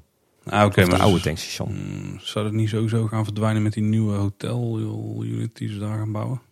Ja, die ligt weer iets verderop. Het was wel dat ze dat niet doen aan de kant van het hotel. Of zou de Efteling dat niet hebben gewild? Of daar iets van nou, dat kan niet, hè, want daar, ga, de, daar heb je nou de ruimte niet voor om, om zo'n bouwterrein eh, op, te, op te zetten. Nou, is het echt heel groot. Want er ligt ja. wel een hele braakliggende strook waar de Hofstaak komt te liggen natuurlijk. Ja, maar die, goed, die moet natuurlijk beschikbaar blijven voor het aanleggen van kabels en leidingen en het maken van de weg. Goed punt. Ja. Dus ze zijn, ze zijn volop bezig uh, met, met uh, in ieder geval het bouwterrein in, inrichten om die fietsen te bouwen. En er stond verder ook nog uh, ja, een stukje in, in de Duincourier dat er binnenkort een infoavond is in januari in het gemeentehuis. En dat je ook iedere woensdag tussen drie en vier de bouwketen in kunt lopen. Serieus? Ja. Maar er is geen tribune, nog steeds niet? Nee. Jongen, jongen. Misschien moeten we ook maar eens een keer die bouwketen in, inlopen. Met een paar microfoons. Ja, ja precies. Kijken wat ze doen. Ja, ja, dan zouden we toch wel een heel aan terrein. Dus dan is het tijd voor onderhoud, denk ik. Hè? Ja, precies. Het is eigenlijk bizar hoeveel nieuws dat er in dit laagseizoen nog te melden valt, eh, Paul. Ja, voor hoeveel uitsmeren nieuws. Hè? Ja, dat is ook Nieuws is bij onze pindakaas. Ja. We kunnen gewoon vol een bak smeren. Hey, het grote kabouterdorp, dus dit is eigenlijk ook wel nieuws, maar dat is klaar. Het grote onderhoud bedoel je? Ja, het grote onderhoud. Het grote kabouterdorp. Dat, dat, dat klinkt als een leuke nieuwe invul. Het is maar een klein kabouterdorp. Ja. Ja, jammer. Maar in ieder geval, het grote onderhoud aan het kabouterdorp, dat is inderdaad klaar. Ja. Uh, heeft 13 weken geduurd. Ja. heel veel schoongemaakt, geschilderd. Heel veel vervangen ook qua verlichting. Uh, geel zondaken nagekeken en opgeknapt. Tuintje en de vijvers die hebben ze weer helemaal netjes gemaakt. Ja, en, dat was mooi opgelezen van het Efteling blogbal. Ja, maar het is wel allemaal waar. Het is wel allemaal waar, ja. Het ligt er echt heel netjes bij. Ja. Het voelt, het voelt ook echt weer heel erg fris. Nou, wat mij ook heel erg opviel is dat het, het wel met heel erg veel respect is gedaan. Ik ben eigenlijk van de week, ik, ik had her en der wat, wat berichten gezien op social media en op de blog. En dat was allemaal voor mijn gevoel gaf dat geen compleet beeld. Dus ik ben woensdag eh, in Efteling geweest uh, en heb even van de gelegenheid gebruik gemaakt om echt ieder huisje minutieus te onderzoeken. Oké, ik ben benieuwd. Kom op. Dat scheelt ook als je een kleintje hebt. Hè. Die, die vinden dat fantastisch om uh, Kunnen mooi meekijken. Daar, daar tien minuten te staan. Maar wat me opviel is dat wel met heel veel respect is gebeurd. Dus er is, er is heel veel onderhoud uitgevoerd, maar alleen aan datgene wat echt nodig was. Heel veel oude materialen zijn gewoon blijven liggen. Versleten theovloeren, oude kozijnen, oud houtwerk. Is allemaal wel opgeknapt, maar het is niet onnodig vervangen. Mhm. Nou, wat is wel gebeurd? Uh, alle geveltjes, uh, binnen- en buitenkant, uh, die zijn allemaal netjes hersteld, gesausd en opnieuw ingeschaduwd. Is mooi gebeurd. Viel me wel op dat het vrij licht is gebeurd, dus erg wit is het. Um, alle vijvertjes die zijn voorzien het beton van, van een coating, zodat ze netjes waterdicht zijn. Wat een hele mooie toevoeging is, is dat er een viertal ja, zeg maar bos, bosbewoners zijn toegevoegd. Ja, ja. Een spin, een konijn, een eekhoorn en een muis. Ja. En die zijn allemaal uh, verstopt uh, in een luikje achter een, uh, achter een stapeltje met, met houtblokjes. en het leuke is, het zijn niet zomaar beeldjes die ze hebben neergezet, maar het zijn nee. allemaal animatronics. Ja, ik weet niet of je het animatronic mag noemen, maar ze bewegen in ieder geval. Het zijn animatronics. nou, het konijn heeft inderdaad wel een bewegende kop ook nog. Sowieso. En de rest weet ik eigenlijk niet. De het, rest uh, het eekhoorntje komt naar voren. Uh, muisje ook. Muisje, ja. En de, het spinnetje dat, uh, dat wiebelt een beetje op en neer. Ja. Ah, hele, hele toffe, subtiele, gave toevoegingen. Het is een beetje vergelijkbaar met het eekhoorntje wat bij het Huis van de Zeven Geitjes zit. Hè? Ja, ja ik, vond, ik vond deze nog net wat, uh, allemaal wat, uh, wat fraaier uitgevoerd en uh, ook wat bewegelijker. Ik heb ze al in het donker gezien, dus ja, het konijntje is inderdaad heel mooi. En die zie je eigenlijk ook altijd zitten. Maar dan in één keer komt hij wel meer tevoorschijn. Ja. ja, ik vind het echt heel tof. Echt heel gaaf. Ja. alle kabouterfiguren zijn allemaal, allemaal een keer weer netjes geschilderd. De, de kleuren zijn mooi aangezet en geaccentueerd. En ze hebben allemaal nieuwe kleren natuurlijk. de showtjes binnen die zijn allemaal netjes opgefrist. Die nieuwe kleren die vielen mij inderdaad heel erg op. Um, die, die zien echt, echt heel nieuw uit. Zelfs ja. dat ik op sommige punten dacht, ook het, uh, beddengoed bijvoorbeeld, van de slapende kabouter, is gewoon echt heel wit. Ja. of heel, heel schoon, zeg maar. Ja. Maar ik denk dat het... Uh, wel wel mooi hoor, maar heel opvallend. Ja. Ik denk dat het wel, dat kleurt uh, vanzelf wel een beetje bij hoor, met zonlicht en met die, die vochtige huisjes. Overigens al het wasgoed wat aan de lijntjes hangt en zo, dus ook allemaal mooi nieuw. Ja, daar heb je, ja, dus je hebt goed opgelet. Ja, ja, echt in detail gekeken. Ja, precies. Um, het springende muisje in het grote kabouterhuis, die is verhuisd. Die stond eerst helemaal links voor in de show. En die hebben ze nu eigenlijk bij de tafel met de twee kabouters gezet. Waarschijnlijk om uh, ja, toch de aandacht op dat uh, hele toffe effectje wat meer te vestigen. Viel me wel op dat het, uh, dat het, het bewegingsmechaniekje is vernieuwd. En het muisje springt nu maar nog maar half zo hoog. Oh, is atletische skills kwijtgeraakt. Ja, precies. Ja. daarover gesproken, in het grote kabouterhuis is ook de taart vervangen die op, op tafel stond. Ja, ja, zeker. Dat was een heel raar betonnen exemplaar of zo. Ja, nu is het uh, meer vergelijkbaar met wat je bij Hans en Grietje ook vindt, hè? Ja, ja, Een stuk beter. Ja, inderdaad, heel mooi. Uh, het wasvrouwtje, uh, daar zijn meerdere dingen mee gebeurd. Ehm, de stijger waar ze op staat, die is volledig nieuw. Kon even niet thuisbrengen of dat nu polyester is geworden of, of allemaal toch hout is gebleven. Ik hoop dat laatste. Ja, ik denk het wel. Maar dat ziet er weer spik en span uit. Dus heeft, is, heeft ook een aantal hele mooie details gekregen. Mooie kegels, ook, ook voorop en en ook het, het riet op het dak is helemaal vervangen. Mm -hmm. Maar het meest opzienbare is misschien nog wel dat het wasvrouwtje voortaan neuriet. Ja. En niet zomaar. Weet je wat ze neuriet, Paul? Oh, nee. Nee. Ze neuriet een stukje van de menuet van uh, uh, Johanna Bach. Dus zeg maar de, de, de paddenstoelenmuziek. Ze okay. neuriet volgens mij... Of iets in die oh, okay. Maar, wat helemaal leuk is... is ze neuriet ook een heel klein stukje carnavalfestival. Serieus? Ze deed echt maar, maar drie tonen. Ja, je moet maar eens gaan luisteren. Ja, ik zit, maar volgens mij zit dat ook in het menuet, denk ik. Zou... Het uh, de, deed mij ook een beetje, klein beetje carnavalfestival aan. Uh... Zou minder zijn dan steeds. Want het klopt natuurlijk wel als ze de overbuurman uh, regelmatig goed spelen. Dat ze dan een stukje muziek natuurlijk kent. Ja, ik vind wel, nou, ik vond wel een leuke, als het zo is, ik vind wel een hele leuke knipoog. Het is namelijk subtiel genoeg dat het eh, net niemand opvalt. En haar, ehm, is het haar man eigenlijk? De kabouter die in hetzelfde huisje woont. Ja. Daar stond het geluid heel zacht vandaag. Ik weet niet of dat dan Oh. bij jou ook was. Die heb ik dan weer niet eh, Ah, oké. aan- onderworpen. Ik denk, lijkt me niet dat, eh, ik denk dat dat gewoon tijdelijk is. Dus Ja, of gewoon een kinderziekte. ja, precies.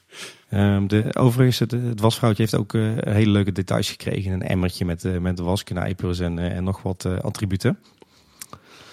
Eh, wat is er verder nog gebeurd? Het, het waterrad bij datzelfde huisje dat, eh, is helemaal vernieuwd. En dat draait weer gewoon netjes. Eh, er zit overal hangen sluitwerk nieuw op alle deuren en ramen. Het straatwerk in het dorp is her en der weer, weer hersteld. Naast het neuriënde wasvrouwtje heb je nu ook een mompelende kabouter. Die, die hangt uit het raam bij het grote kabouterhuis. Maar ja, die kabouter is niet nieuw, maar het Die mompelen wel. Oké, dat is me niet opgevallen. Oké. Dan is, eh, heb je ook nog de grote paddenstoel. Hè, daar waar, eh, zeg maar die, eh, waar de kabouters onder zitten te vissen. Mhm. Daar is veel houtwerk aan vernieuwd. En de roeptoeter, zeg maar, die daarbij staat, die is Mhm. vernieuwd. En die heeft nu de vorm van een hartje. En verder zijn er ook nog vier klokken verschenen in, in bomen. Dat was me even niet duidelijk of dat het winterdecoratie is of, of dat het permanent is. Een soort Oh, koekoeksklokjes. Niet echt op. Nee? Nee, nee. Alle spotjes zijn vernieuwd. Dus ja, al met al eh, volgens mij een hele grondige eh opknapbeurt. Een hele waardige, goede manier van groot onderhoud plegen. Nou ja, dus als je... Ik zou niet durven zeggen dat het zo is, maar bijna alsof het er zo bij lag toen het net open ging. Ja, Of misschien zelfs nog wel beter. dat denk ik. En er is dus toch weer volop geplust. Ja, dit ja, is wel echt... vol- volop. Als je het echt hebt over, over echt plussen, dan denk ik dat je de, de, de neuriënde, neuriënde wasvrouwtje en de mompelende kabouter, dat dat echt een, een plussing is. En natuurlijk de vier diertjes. Ja, vooral die dieren vind ik ook. Ja. Dat is echt iets nieuws, zeg maar. Echt eh, meer beweging. Kijk, er, zijn wat meer aanpassingen doorge- doorgevoerd, maar dit vind ik echt wel, plu, eh, echt Ja, wel dit zijn plus, echt toffe details, want je ziet ze ook niet dus, wat jij zei, ze zitten ook een beetje verstopt, hè. Vooral Ja. eh, de eekhoorn en het muisje. Want die zie je ook gewoon niet zitten tenzij ze zichzelf even laten zien. Ja. En het duurt ook wel oh, 30 seconden of zo, om 30 seconden denk ik. Ja, weet je, dit, Dus, dit dus je kunt ze ook missen, zeg Ja. maar. Het zijn Ja, van die toffe dingen om mensen die er niet zwaar komen, eh, om die even te wijzen erop. ja, ik denk, dit, dit is echt die 9 plus, hè. Ja, ja, ja. En op deze manier gebeurt het ook heel respectvol en, en op een hele waardige manier. Dan kan ik er alleen maar achter eh, staan en alleen maar blij van worden. Ja, helemaal eens. Klein restpuntje nog. Kijken Mhm. of dat iemand bij de Efteling deze podcast ook luistert. ik eh, zag dat er eh, wat, wat oud ijzer ergens in de bosjes is gedonderd en niet is opgeruimd. Misschien heeft een van die kabouters een handeltje. Ja, Kan. het is in ieder geval in zo'n verhoogde bloembak. Eh, volgens mij ter hoogte van het, eh, het wasvrouwtje of eh, ter hoogte van, het, ge- van de, de grote paddenstoel. Maar eh, het was dat ik mijn handen vol had aan mijn dochter, anders had ik het zelf wel even opgeruimd. Maar eh, ja, prioriteiten. Ja, het, is, heel, het is gewoon storytelling, Tim. Inderdaad, die handel van een kabouter. Er zit meer van het oud ijzer. Ja. Heeft hij zelf niet nodig, want zijn huisje is alleen maar van organisch materiaal. ja precies. ik weet het ook niet. Ja, tot zover eh, het, het onderhoud aan het eh, Kabouterdorp. Ik, eh, ik had wel nog een vraagje aan onze luisteraars. Het viel mij op dat eh, na het onderhoud aan, eh, aan het leerhuis in het, eh, in het Lavelaar... staat er boven de voordeur de tekst Het Leerhuis. En ik had dus het idee dat er altijd Lavies Leerhuis stond. Dan kan het ook mijn geheugen zijn die mij, in- dat mij in de steek laat. Dus ik ben benieuwd wat onze luisteraars daarvan denken. Is het inderdaad zo dat die tekst is aangepast? Check de fotocollecties graag. Ja. We zijn gewoon lui eigenlijk. Hè? Nou ja, we mogen onze luisteraars toch ook wel eens een keer wat vragen. Ja, dat klopt. Het viel je ook op dat de treinen in het diorama steeds trager zijn. Ja, we hebben het een tijdje geleden over gehad dat die treintjes in het diorama tegenwoordig echt extreem lang zijn. Eh, maar dat ze desalniettemin eh, hard rond blijven rijden. Ze, het viel mij laatst op dat ze steeds langzamer beginnen te rijden. Dus misschien moeten er toch eens wat wagonnetjes af. Misschien ook wel realistischer hè, als je het in verhouding ziet. ja, Onze reden in de praktijk 150 km per uur. Misschien ja, helemaal precies. realistisch. Ja, ja, ja, dat is ook weer zo. Eh, er is een, eh, een nieuwe camera verschenen eh, bij de, de kas van de, de Groendienst en de Milieustraat die daar ook ligt. Op zich ook wel een logische plek, aangezien daar vaak het, het hek naar buiten open staat. Mhm, ja. En natuurlijk ook mensen het terrein op kunnen. En bij Herberg de Esteling, daar is een storing al een paar dagen gaande. Eh, geruchten zijn dat er een Peppers Ghost probleem zou zijn. Viel mij wel op dat toen ik er woensdag was, dat die wel weer open was. Ik ben er vandaag niet geweest in ieder geval. Dus, weer ons huiswerk goed gedaan. Hè? Dat is Ja, wel wat een hoop van die dingen. Het kan natuurlijk al lang gefixt zijn. Ja, en dat, we, we zijn ook niet echt een, een nieuwswebsite. Hè? Nee, we zijn ook niet echt een website. Hè? Dat is waar, dat is waar. Ja. Eh, wat wel gereed is, eh, zeker te weten, is eh, de, de flagstones bij het kasteeltje van Doornroosje. Die zijn opnieuw gelegd en die zijn inmiddels klaar.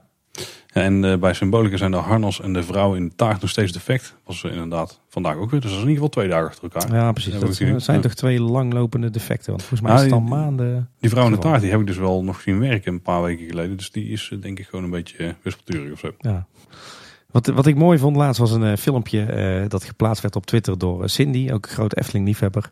En daar kon je een test van de, de nieuwe omroepinstallatie horen. Maar die, die tekst die bleef hangen. Volgens mij was de tekst een beetje van, eh, dames en heren, dit is een test. eh, excuus voor het ongemak. Oh. Maar wat ik, wat ik leuk vond om te, om te merken zijn eigenlijk twee dingen. Eh, heel mooi om te zien wat voor een enorm bereik dat die omroepinstallatie heeft. Dat is echt Mhm. bizar groot. En, en de stem die de omroep inspreekt, dat is de man die, die ook voor Efteling Kids Radio werkt en die al hun jingles inspreekt. En dat is volgens mij een vrij bekende radiostem. Nou ben ik daar niet Als je veel in Efteling radio luistert, dan is het inderdaad een bekende Ja, radio. nee, ja, ja, ja. Ik, ik, ik weet niet eens wie je bedoelt, maar ik luister het ook niet zoveel misschien. Eh, luister het filmpje van Cindy. Misschien dat eh, we hebben aardig wat eh, radiomakers onder onze luisteraars en ook collega's. Misschien weten die het. En bij de Game Gallery daar zijn ze nu flink aan het schilderen, aan het houtwerk. En alle balies en zo. Dus Ja, dat is een mooie afdakjes gebouwd. daar ligt de daar ook weer netjes bij. Eh, bij het Witte Paard daar zijn ze ook op het dak bezig. Dat is mij niet opgevallen, maar jou wel. Ja, daar zijn ze al een paar weken bezig met, eh, met het vervangen van dakbedekking. Oh, oké. Doen ze gewoon tijdens de openingstijd. Ja, de kluis die is uit onderhoud. Dus de geldautomaat bij de entree. eh, die is weer helemaal geschilderd. Volgens mij is ook het licht weer wat, of in ieder geval verbeterd wat aan de binnenkant zit. Want zag Ja, showtje vandaag en er ziet er, eh, zag er Flashy. ja, heel kleurig uit, zeg maar. Ja. Ja.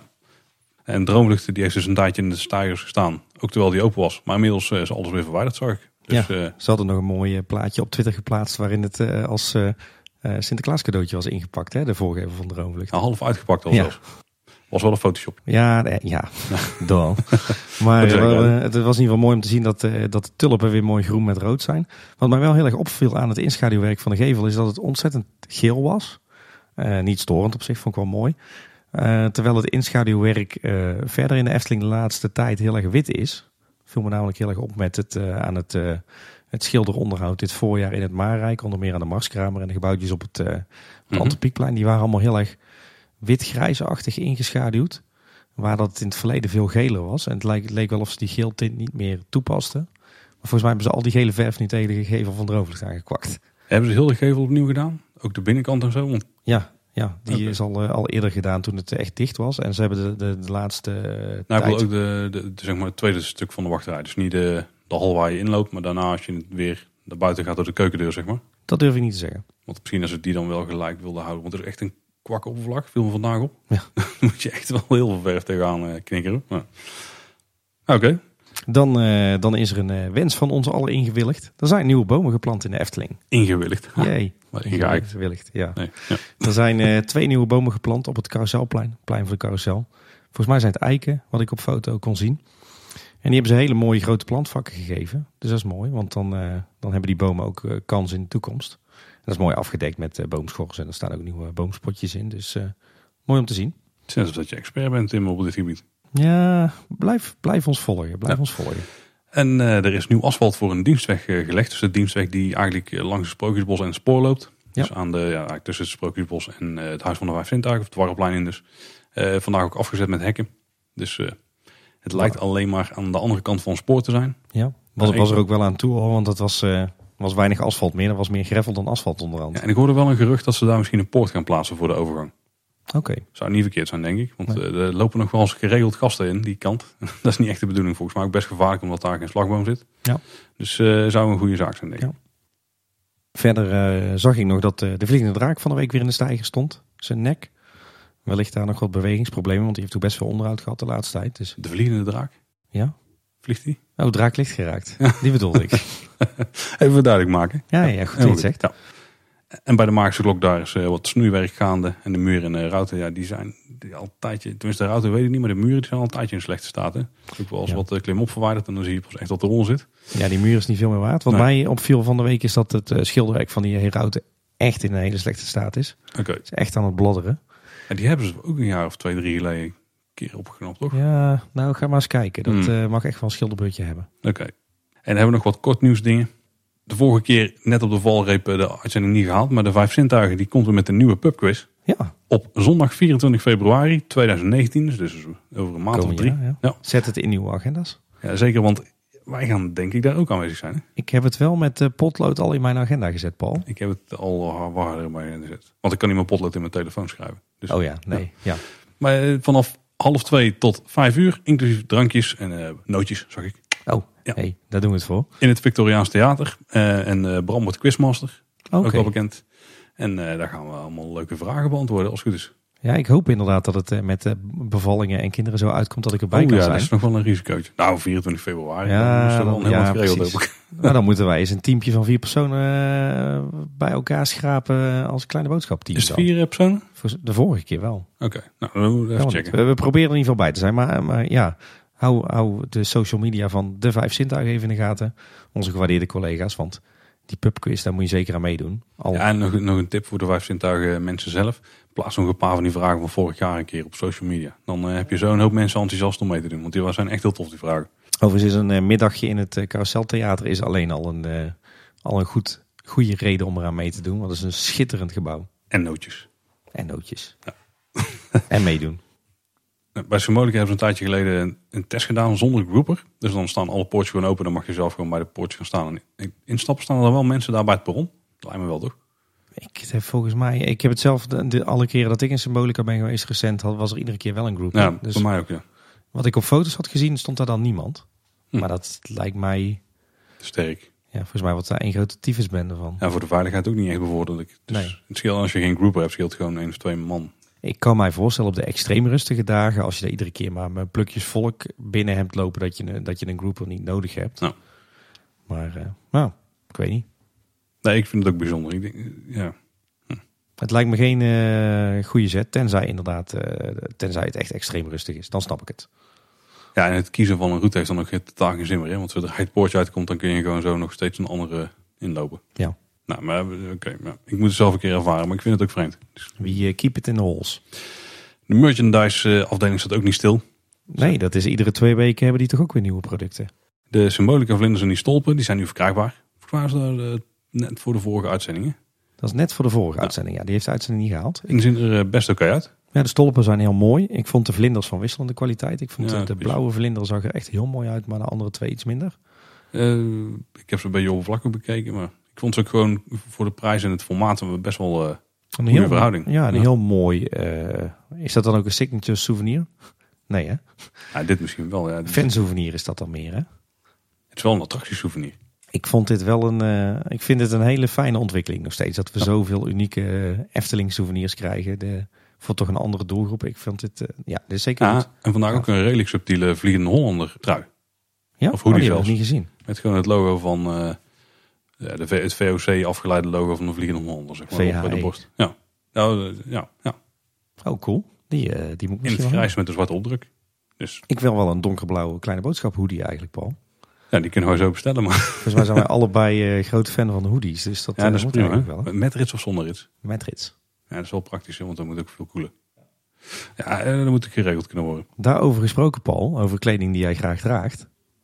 Er is een Efteling onesie. Yes, echt waar? Ja, Oh, dat moet ik meteen hebben. ja ik zag foto's op eh, social media. Oh, want die zijn echt zo chill, 35 euro's. denk ik. Ja, hm? Ik heb nooit zo'n ding aangehad. Wel en overal wel eens. Als Ja, overal ook, ja. Een Efteling overal. Ik weet niet of dat... Oh, Efteling overal. Die zijn er wel, maar dat is Ja, voor er personeel. Ja. Daar zou daar, daar zou weinig markt voor zijn, maar die zou ik nog wel iets scoren, denk ik. Ja. ja, en eh, last but not least, er zijn, eh, hè, als je het over die 9 plus ervaringen hebt, eh, er zijn nu ook voortaan speciale gethematiseerde winkelmandjes. In ieder geval al in de bazaar en in de Efteldingen. Met hele fraaie Eftelingse opdrukken. En die kun je helemaal vol laaien met materiaal en dan op de toonbank keeper en dan komt het helemaal goed. Ja. Zou je dan die winkelmand ook mee mogen nemen? Voor een bepaald bedrag. Oeh. Die vond ik er namelijk ook wel echt heel gaaf uitzien. Ja, nee, ik denk het niet. Maar nog een gat in de markt. Ja. Eh, Bart van Drongen die tweette nog een stukje van Team Park Insider aan ons toe. En die zei... ehm, no, I'm not claiming that eh, Universal Studios Florida is the best looking theme park in the world. Nee, dat denk ik sowieso niet. Tokyo Disney Sea, Efteling en de nieuwe Warner Bros. World Abu Dhabi all rank up there too. En dan zal hij wat Disney Park ook vast onderscharen. Ja. Dus uh, hij uh, schaart daarmee de Efteling uh, en Tokyo Disney Sea bij de mooiste themaparken van de wereld. Moet hij ook wel een beetje, omdat op zijn website inmiddels twee keer de Efteling is uitgeroepen tot het beste themapark ter wereld volgens mij. Ja, dit is gewoon super vet om te lezen. Als zo'n internationaal vooraanstaand medium aanhalingstekens sluiten, toch zo positief is over een ja, park als Efteling, toch? Ah, hoe kan je dat niet zijn, Tim? Dat is waar. Uh, er is ook weer een vacature, dat is die afdeling. Ja, ja, ja. Er, zijn, er zijn iedere, iedere dag wel nieuwe vacatures. Er is ook wel HR-medewerker kunnen worden bij de Efteling. ja, bijna wel, hè. Maar uh, dat is ook op mijn werk. Ik ben een projectleider, maar ik zit ook in een BHV, een crisisorganisatie, een social media team. Dat, nou, je kan er niks vanaf blijven. Precies. Dat is heel irritant als je wat met werkdruk. Uh, nou ja, goed. Daar hebben we het niet over. Vacature. Uh, wat leuk is aan de vacatures van de Efteling is dat je zodoende erachter komt uh, hoe het park georganiseerd is. En dat is geen overbodige luxe aangezien het recent gereorganiseerd is. Dat was nu een vacature voor facilitair onderhoud en services. En wat leren wij daarvan? dat de, facilitaire dienst die er was in de Efteling, die bestaat niet meer. Die is nu onderdeel van de servicedienst. En dat valt dan weer onder die, die club die onder het park valt. En wat ook leuk was om te zien was de vacature van marktonderzoeker. Nou ja, die op zich was uh, heel voorspelbaar. Um, alleen blijkbaar is er tegenwoordig zoiets bij de Efteling als een afdeling strategie en innovatie. En daar werken maar liefst zeven man. Zo. Dat viel mij dan. Oké. Okay. Verder zat op uh, 21 november jongsleden zat uh, de Zes Zwanen in het klokhuis. Of eigenlijk de Efteling zat in het klokhuis. Naar aanleiding van die aankondiging van de Zes Zwanen. Kijken of we een linkje kunnen vinden dat je kan terugkijken. Oh, ik heb, ik heb hem niet gezien, dus even checken. Maar, ik moest trouwens wel lachen. Ook nog even terugkomen op de Zes Zwanen. Er is tegenwoordig een, ook weer een nieuwe podcast. Uh, Team Park World NL of zo. Ja, ja, ja. Uh, volgens mij de zesde pretpark podcast die nu uh, die er bestaat. Ja, ik reken uh, Zoo Inside niet mee. Oké, okay, pretpark. Maar, maar die noemde, die hadden het niet over Elisa, maar over Elsa. Ah. Toen moest ik toch wel heel smakelijk lachen. Maar goed, dat terzijde. Hey, er waren studenten van Avant volgens mij en die hebben een idee gepitcht. Uh, Goeie school. Ik ben het mee eens. Ja. Hey, mooi. Een keer ergens over ja, iets wat niet echt links. Ja. Uh, maar die hadden een idee, of tenminste, het is niet echt een idee, maar die waren vooral bezig met uh, interessante manieren waarmee energie opgewekt kan worden. Uh, binnen bijvoorbeeld de Efteling, een plek waar veel mensen zijn. En toen kwamen ze aan met een, volgens mij een bedrijf wat tegels heeft, die je gewoon kunt leggen. En als mensen eroverheen lopen, dan wek je daardoor energie op. En dan zou voor de Efteling heel geschikt zijn. Volgens mij kon je die investering binnen 10 of 11 jaar terugverdienen of zo. Mm -hmm. Moet je wel vanuit gaan dat blijft werken. Altijd interessant bij die dingen. Ja, precies. Dus uh, die hadden ze gepitcht bij de Efteling. En volgens mij hebben ze daar, uh, hebben ze daar niet zo'n tas mee gewonnen of zo. Ja, daar hebben ze zo'n zo zo zo tas met, uh, die gemaakt is van personeelskleding. Ja, precies. Nou, kan er iets voor krijgen. Had ik ook wel hebben hoor. En naast de Albert Heijn actie voor de kortingskaartjes is er nu ook een hele fikse kortingskaartactie van ja. Jumbo geregeld. Je kunt bijna voor niks naar de Efteling. Nou, echt voor, voor 7 euro. Ja. Wel op een paar hele specifieke dagen. Uh, vrijdag de 25e, 26e en 27e van januari. Dus dat zijn een vrijdag, zaterdag en zondag natuurlijk. Ik denk dat het een soort uitkoopweekend is, toch? Volgens mij mogen abonnementhouders dan sowieso niet naar binnen. Nee. nee. Wat moet je er eigenlijk voor doen, Tim? Uh, ja, je moet iets met. Uh, er zijn 63 vestigingen, vestigingen uh, waarbij je met een, een volle spaarkaart een, een entreebewijs kan bestellen voor een van die dagen. en op vrijdag is er ook een speciale Jumbo-avond in de Efteling van 8 tot middernacht. Ja. Hey, en we hebben een hele tijd geleden een aflevering gemaakt over onze wensen voor de Efteling in de toekomst. Ja. Droom over 2030 was het. En een van de zaken die daarin langskwamen was dat we hopen dat de Efteling veel beter omgaat met, met afval. Dat was niet onze dromen over 2030 aflevering. Dat was onze aflevering met onze, onze allergrootste wensen. Zo, ja. ja. En dan was het dus, dus de wensenaflevering. Ja. Uh, dat dan wel. Uh, dat ze daar ze beter mee omgingen, ze beter met recyclen. Uh, er was wat, ja, niet echt ophef, maar er was wat nieuws over rietjes. plastic rietjes, want een aantal parken gaan ermee stoppen. Volgens mij een hoop van die Parken Reunidos clubs of zo. Zeg dat goed? Parkjes rietjes. Ja, whatever. Uh, dus daar vallen volgens mij wat Nederlandse parken onder, maar ook de Franse Walibi, et cetera. Ja, en zo. Ja. Um, dus die gaan allemaal plastic rietjes verbannen. De Sloopings heeft even nagevraagd wat gaat de Efteling daarmee doen. Of vroegen wel meer mensen zich af. Die gaan daar voorlopig niet mee stoppen, maar ze willen dus wel verantwoordelijk omgaan met de afvalstromen. Dus uh, volgens mij betekent dat ze meer gaan scheiden, want ze willen de restafvalhoop verminderen. Ik denk dat uh, wat, wat een hele grote quick win zou zijn, is, uh, is om op de een of andere manier in ieder geval je, je, je restafval en je PMD te scheiden in je, in je grote containers. Ja, en ze zouden het al redelijk vlot kunnen doen ook bij de restaurants. Ja, achter de schermen ook, ja. Ja, nou hebben we ook de quick service. Uh, ja, nee, klopt trouwens, ja. ja. Want daar is ook gewoon nog één enkele afvalbak. Daar zitten twee naast met andere type afval en uh, Dat moet wel goed komen. In het Ja. park zelf wordt het wel lastiger, denk ik. Maar dat kan uiteraard ook. Overigens snap ik dat met die rietjes ook wel hoor. Want op zich, plastic rietjes zijn echt, echt de horror voor, de, voor milieu. Dus ik snap dat we die met z'n allen moeten afschaffen. Aan de andere kant, er zijn best wel veel eh, plekken waar al gewerkt wordt met papieren rietjes. De Beekse Berg is er zo eentje, daar kom ik vaak. Dus daar heb ik ook een abonnement op. Mhm. En als volwassenen uit een papieren rietje drinken, dat gaat nog wel. Maar voor kinderen is dat toch echt niet geen doen. Want als je een beetje koud en sauwelt op die rietjes, dan wordt het gewoon één grote bak papier maché. En zie daar dan nog maar eens uit te drinken. Ja. Dus Ja, die, dat is een uitdaging. Daar moeten ze van gewoon leren. Ja, precies. Voor die zuigkracht, ja. Hey, de Efteling die gaat Guus Meeuwis helpen bij de organisatie van een speciale kindervariant van Groots met een zachte G. Oké. Punt. Ja, leuk. Voor ze. Wij zijn de doelgroep niet. Nee. Maar dat weet je dan. Eh het Loonse Land. Over, wel over doelgroep gesproken. Ja. Dat zijn wij wel namelijk. Als kaatsheuvelnaren met kinderen, toch? Niet? Ik weet niet waar je nou op doet. Maar... Op het Loonse Land. Oh, oké. Ik dacht dat het ook over Guus ging. Nee, ik denk nee, niet dat, dat daar onze kinderen al naartoe gaan. Maar Nee, die mogen best naar muziek, maar niet naar Guus Meeuwis hoor.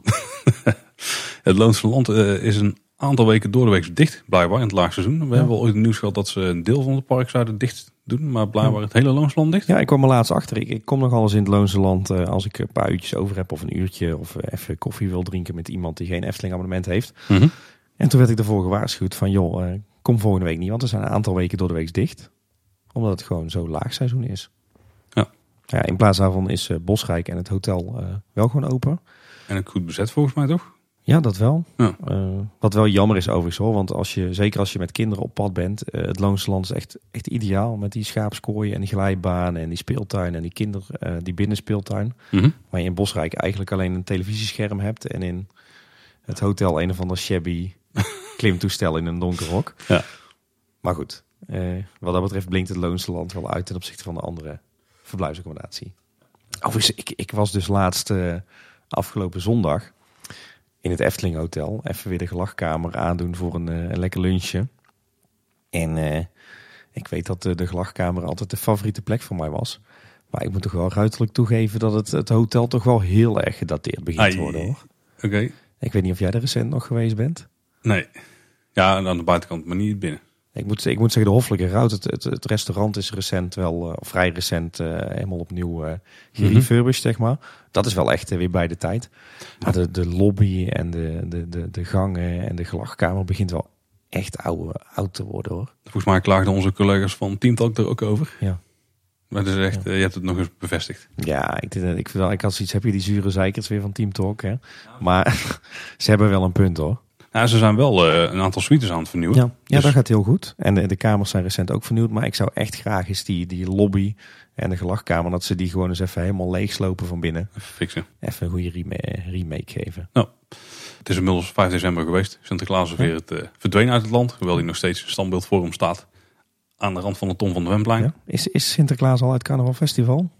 Daar ga ik wel van. Ja, dat denk Oh, ik daarom wel. is hij maar deze week die, maar natuurlijk die is dicht. Daar hebben ze heel, de week voor nodig. Dat is een beetje, een beetje Disney planning, hè? Een week om één eh, beeldje weg te halen uit de attractie. Ja, dat is echt het enige wat ze gaan doen, denk ik. Ja, ja. Maar je moet het tapijt natuurlijk weer een beetje op laten komen. Dat je niet kunt zien dat het daar heeft gestaan. Precies. Of misschien een keer allemaal vervangen. Maar daar zit er nog niet direct in.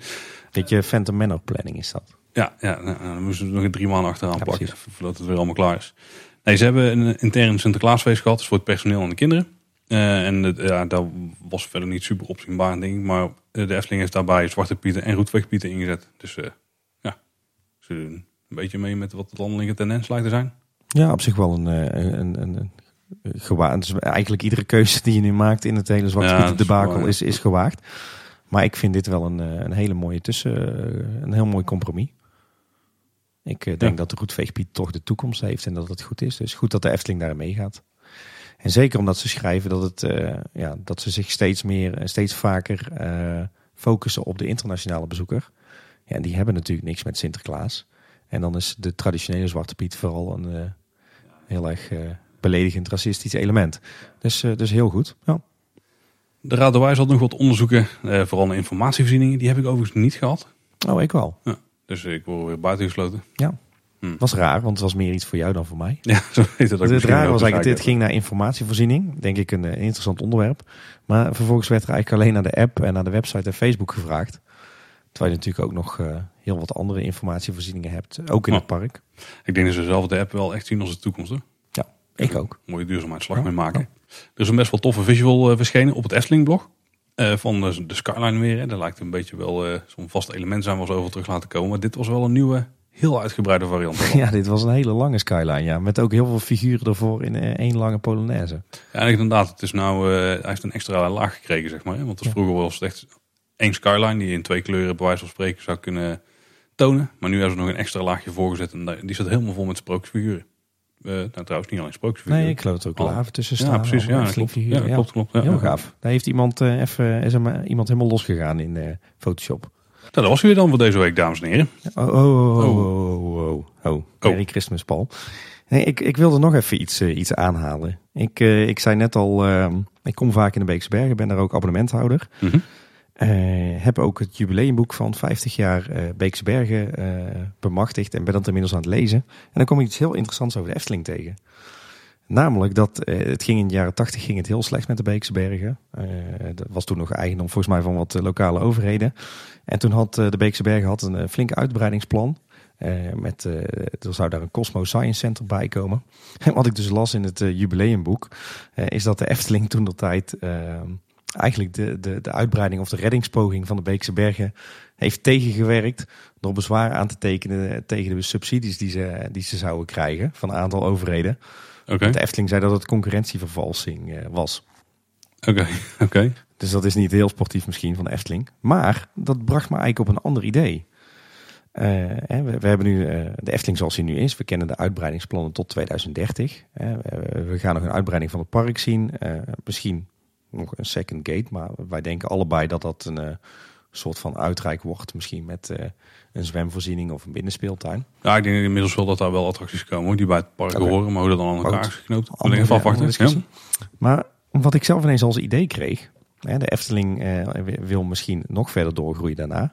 Hoe mooi zou het wel niet zijn als de Efteling in 2040, roepen ze een dwarsstraat, de Beekse Bergen overkoopt. En zou- waarom zeg ik dat? Safari Park Beekse Bergen zou natuurlijk een fantastische Eftelingse variant op eh, Animal Kingdom kunnen worden. Het eigen dierpark van de Efteling. En eh Speelland Beekse Bergen, het strandbad, zou natuurlijk een fantastisch waterpark kunnen zijn. Ja, Kijk. ik, ik, vraag me alleen af wat de toekomst is van dierenparken nog. Nou, maar daarom, ik denk juist dat... eh, kijk, weet je wat het is? De Beekse Bergen kun je van alles van zeggen. Ik vind het een aanrader, maar eh, er is daar ook een, een hoop niet goed. Hè? De thematisering daar is gewoon echt van een... eh, buiten de, een heel recent toevoeging, eh, toevoeging is de thematisering daar gewoon niet goed. Mhm. Eh, horeca niet, de toiletten niet. Maar het is wel een, een, prachtig uitgestrekt terrein. Heel veel groen, heel veel ruimte. Mooi aanbod van dieren. En ik denk dat je daar met, met beperkte investeringen, tussen aanhalingstekens, dat je daar echt wel een soort Animal Kingdom-achtige ervaring van kunt maken. Dat is dus het idee wat ik iedere keer heb als ik daar ben. Dan denk ik van, oh, dit, ik dit of dit zou kunnen doen, dan zou dit zo. Ja. En dat geldt ook voor zijn, ja. Is echt van een inferieur niveau. Dat is echt nog gewoon een strandbad met eh, jaren tachtig voorzieningen er rond. Die breek je natuurlijk af. En je hebt daar met, met het water wat daar aanwezig is en het zand en de natuur, heb je een fantastisch waterpark volgens mij. Dus als de Efteling in, in, in twee, zeggen ze, roepen ze een dwarsstraat 2040 tegen zijn grenzen aan zit. En ze willen toch doorgroeien naar een nog groter resort.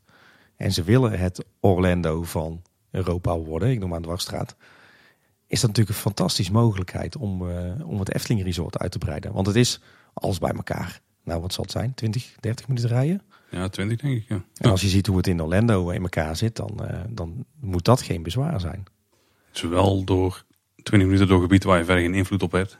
Maar Ja, ja, ik snap wat je bedoelt. Ik heb er wel eens mee in mijn hoofd zitten spelen, maar ik, ik, denk, ik twijfel vooral aan de toekomst van dierenpark en alles wat dat raakt, zeg maar. Ik niet. Maar dat dat- komt misschien omdat ik ook groot dierentuinliefhebber ben. Ja, de roze bril. Maar Ja.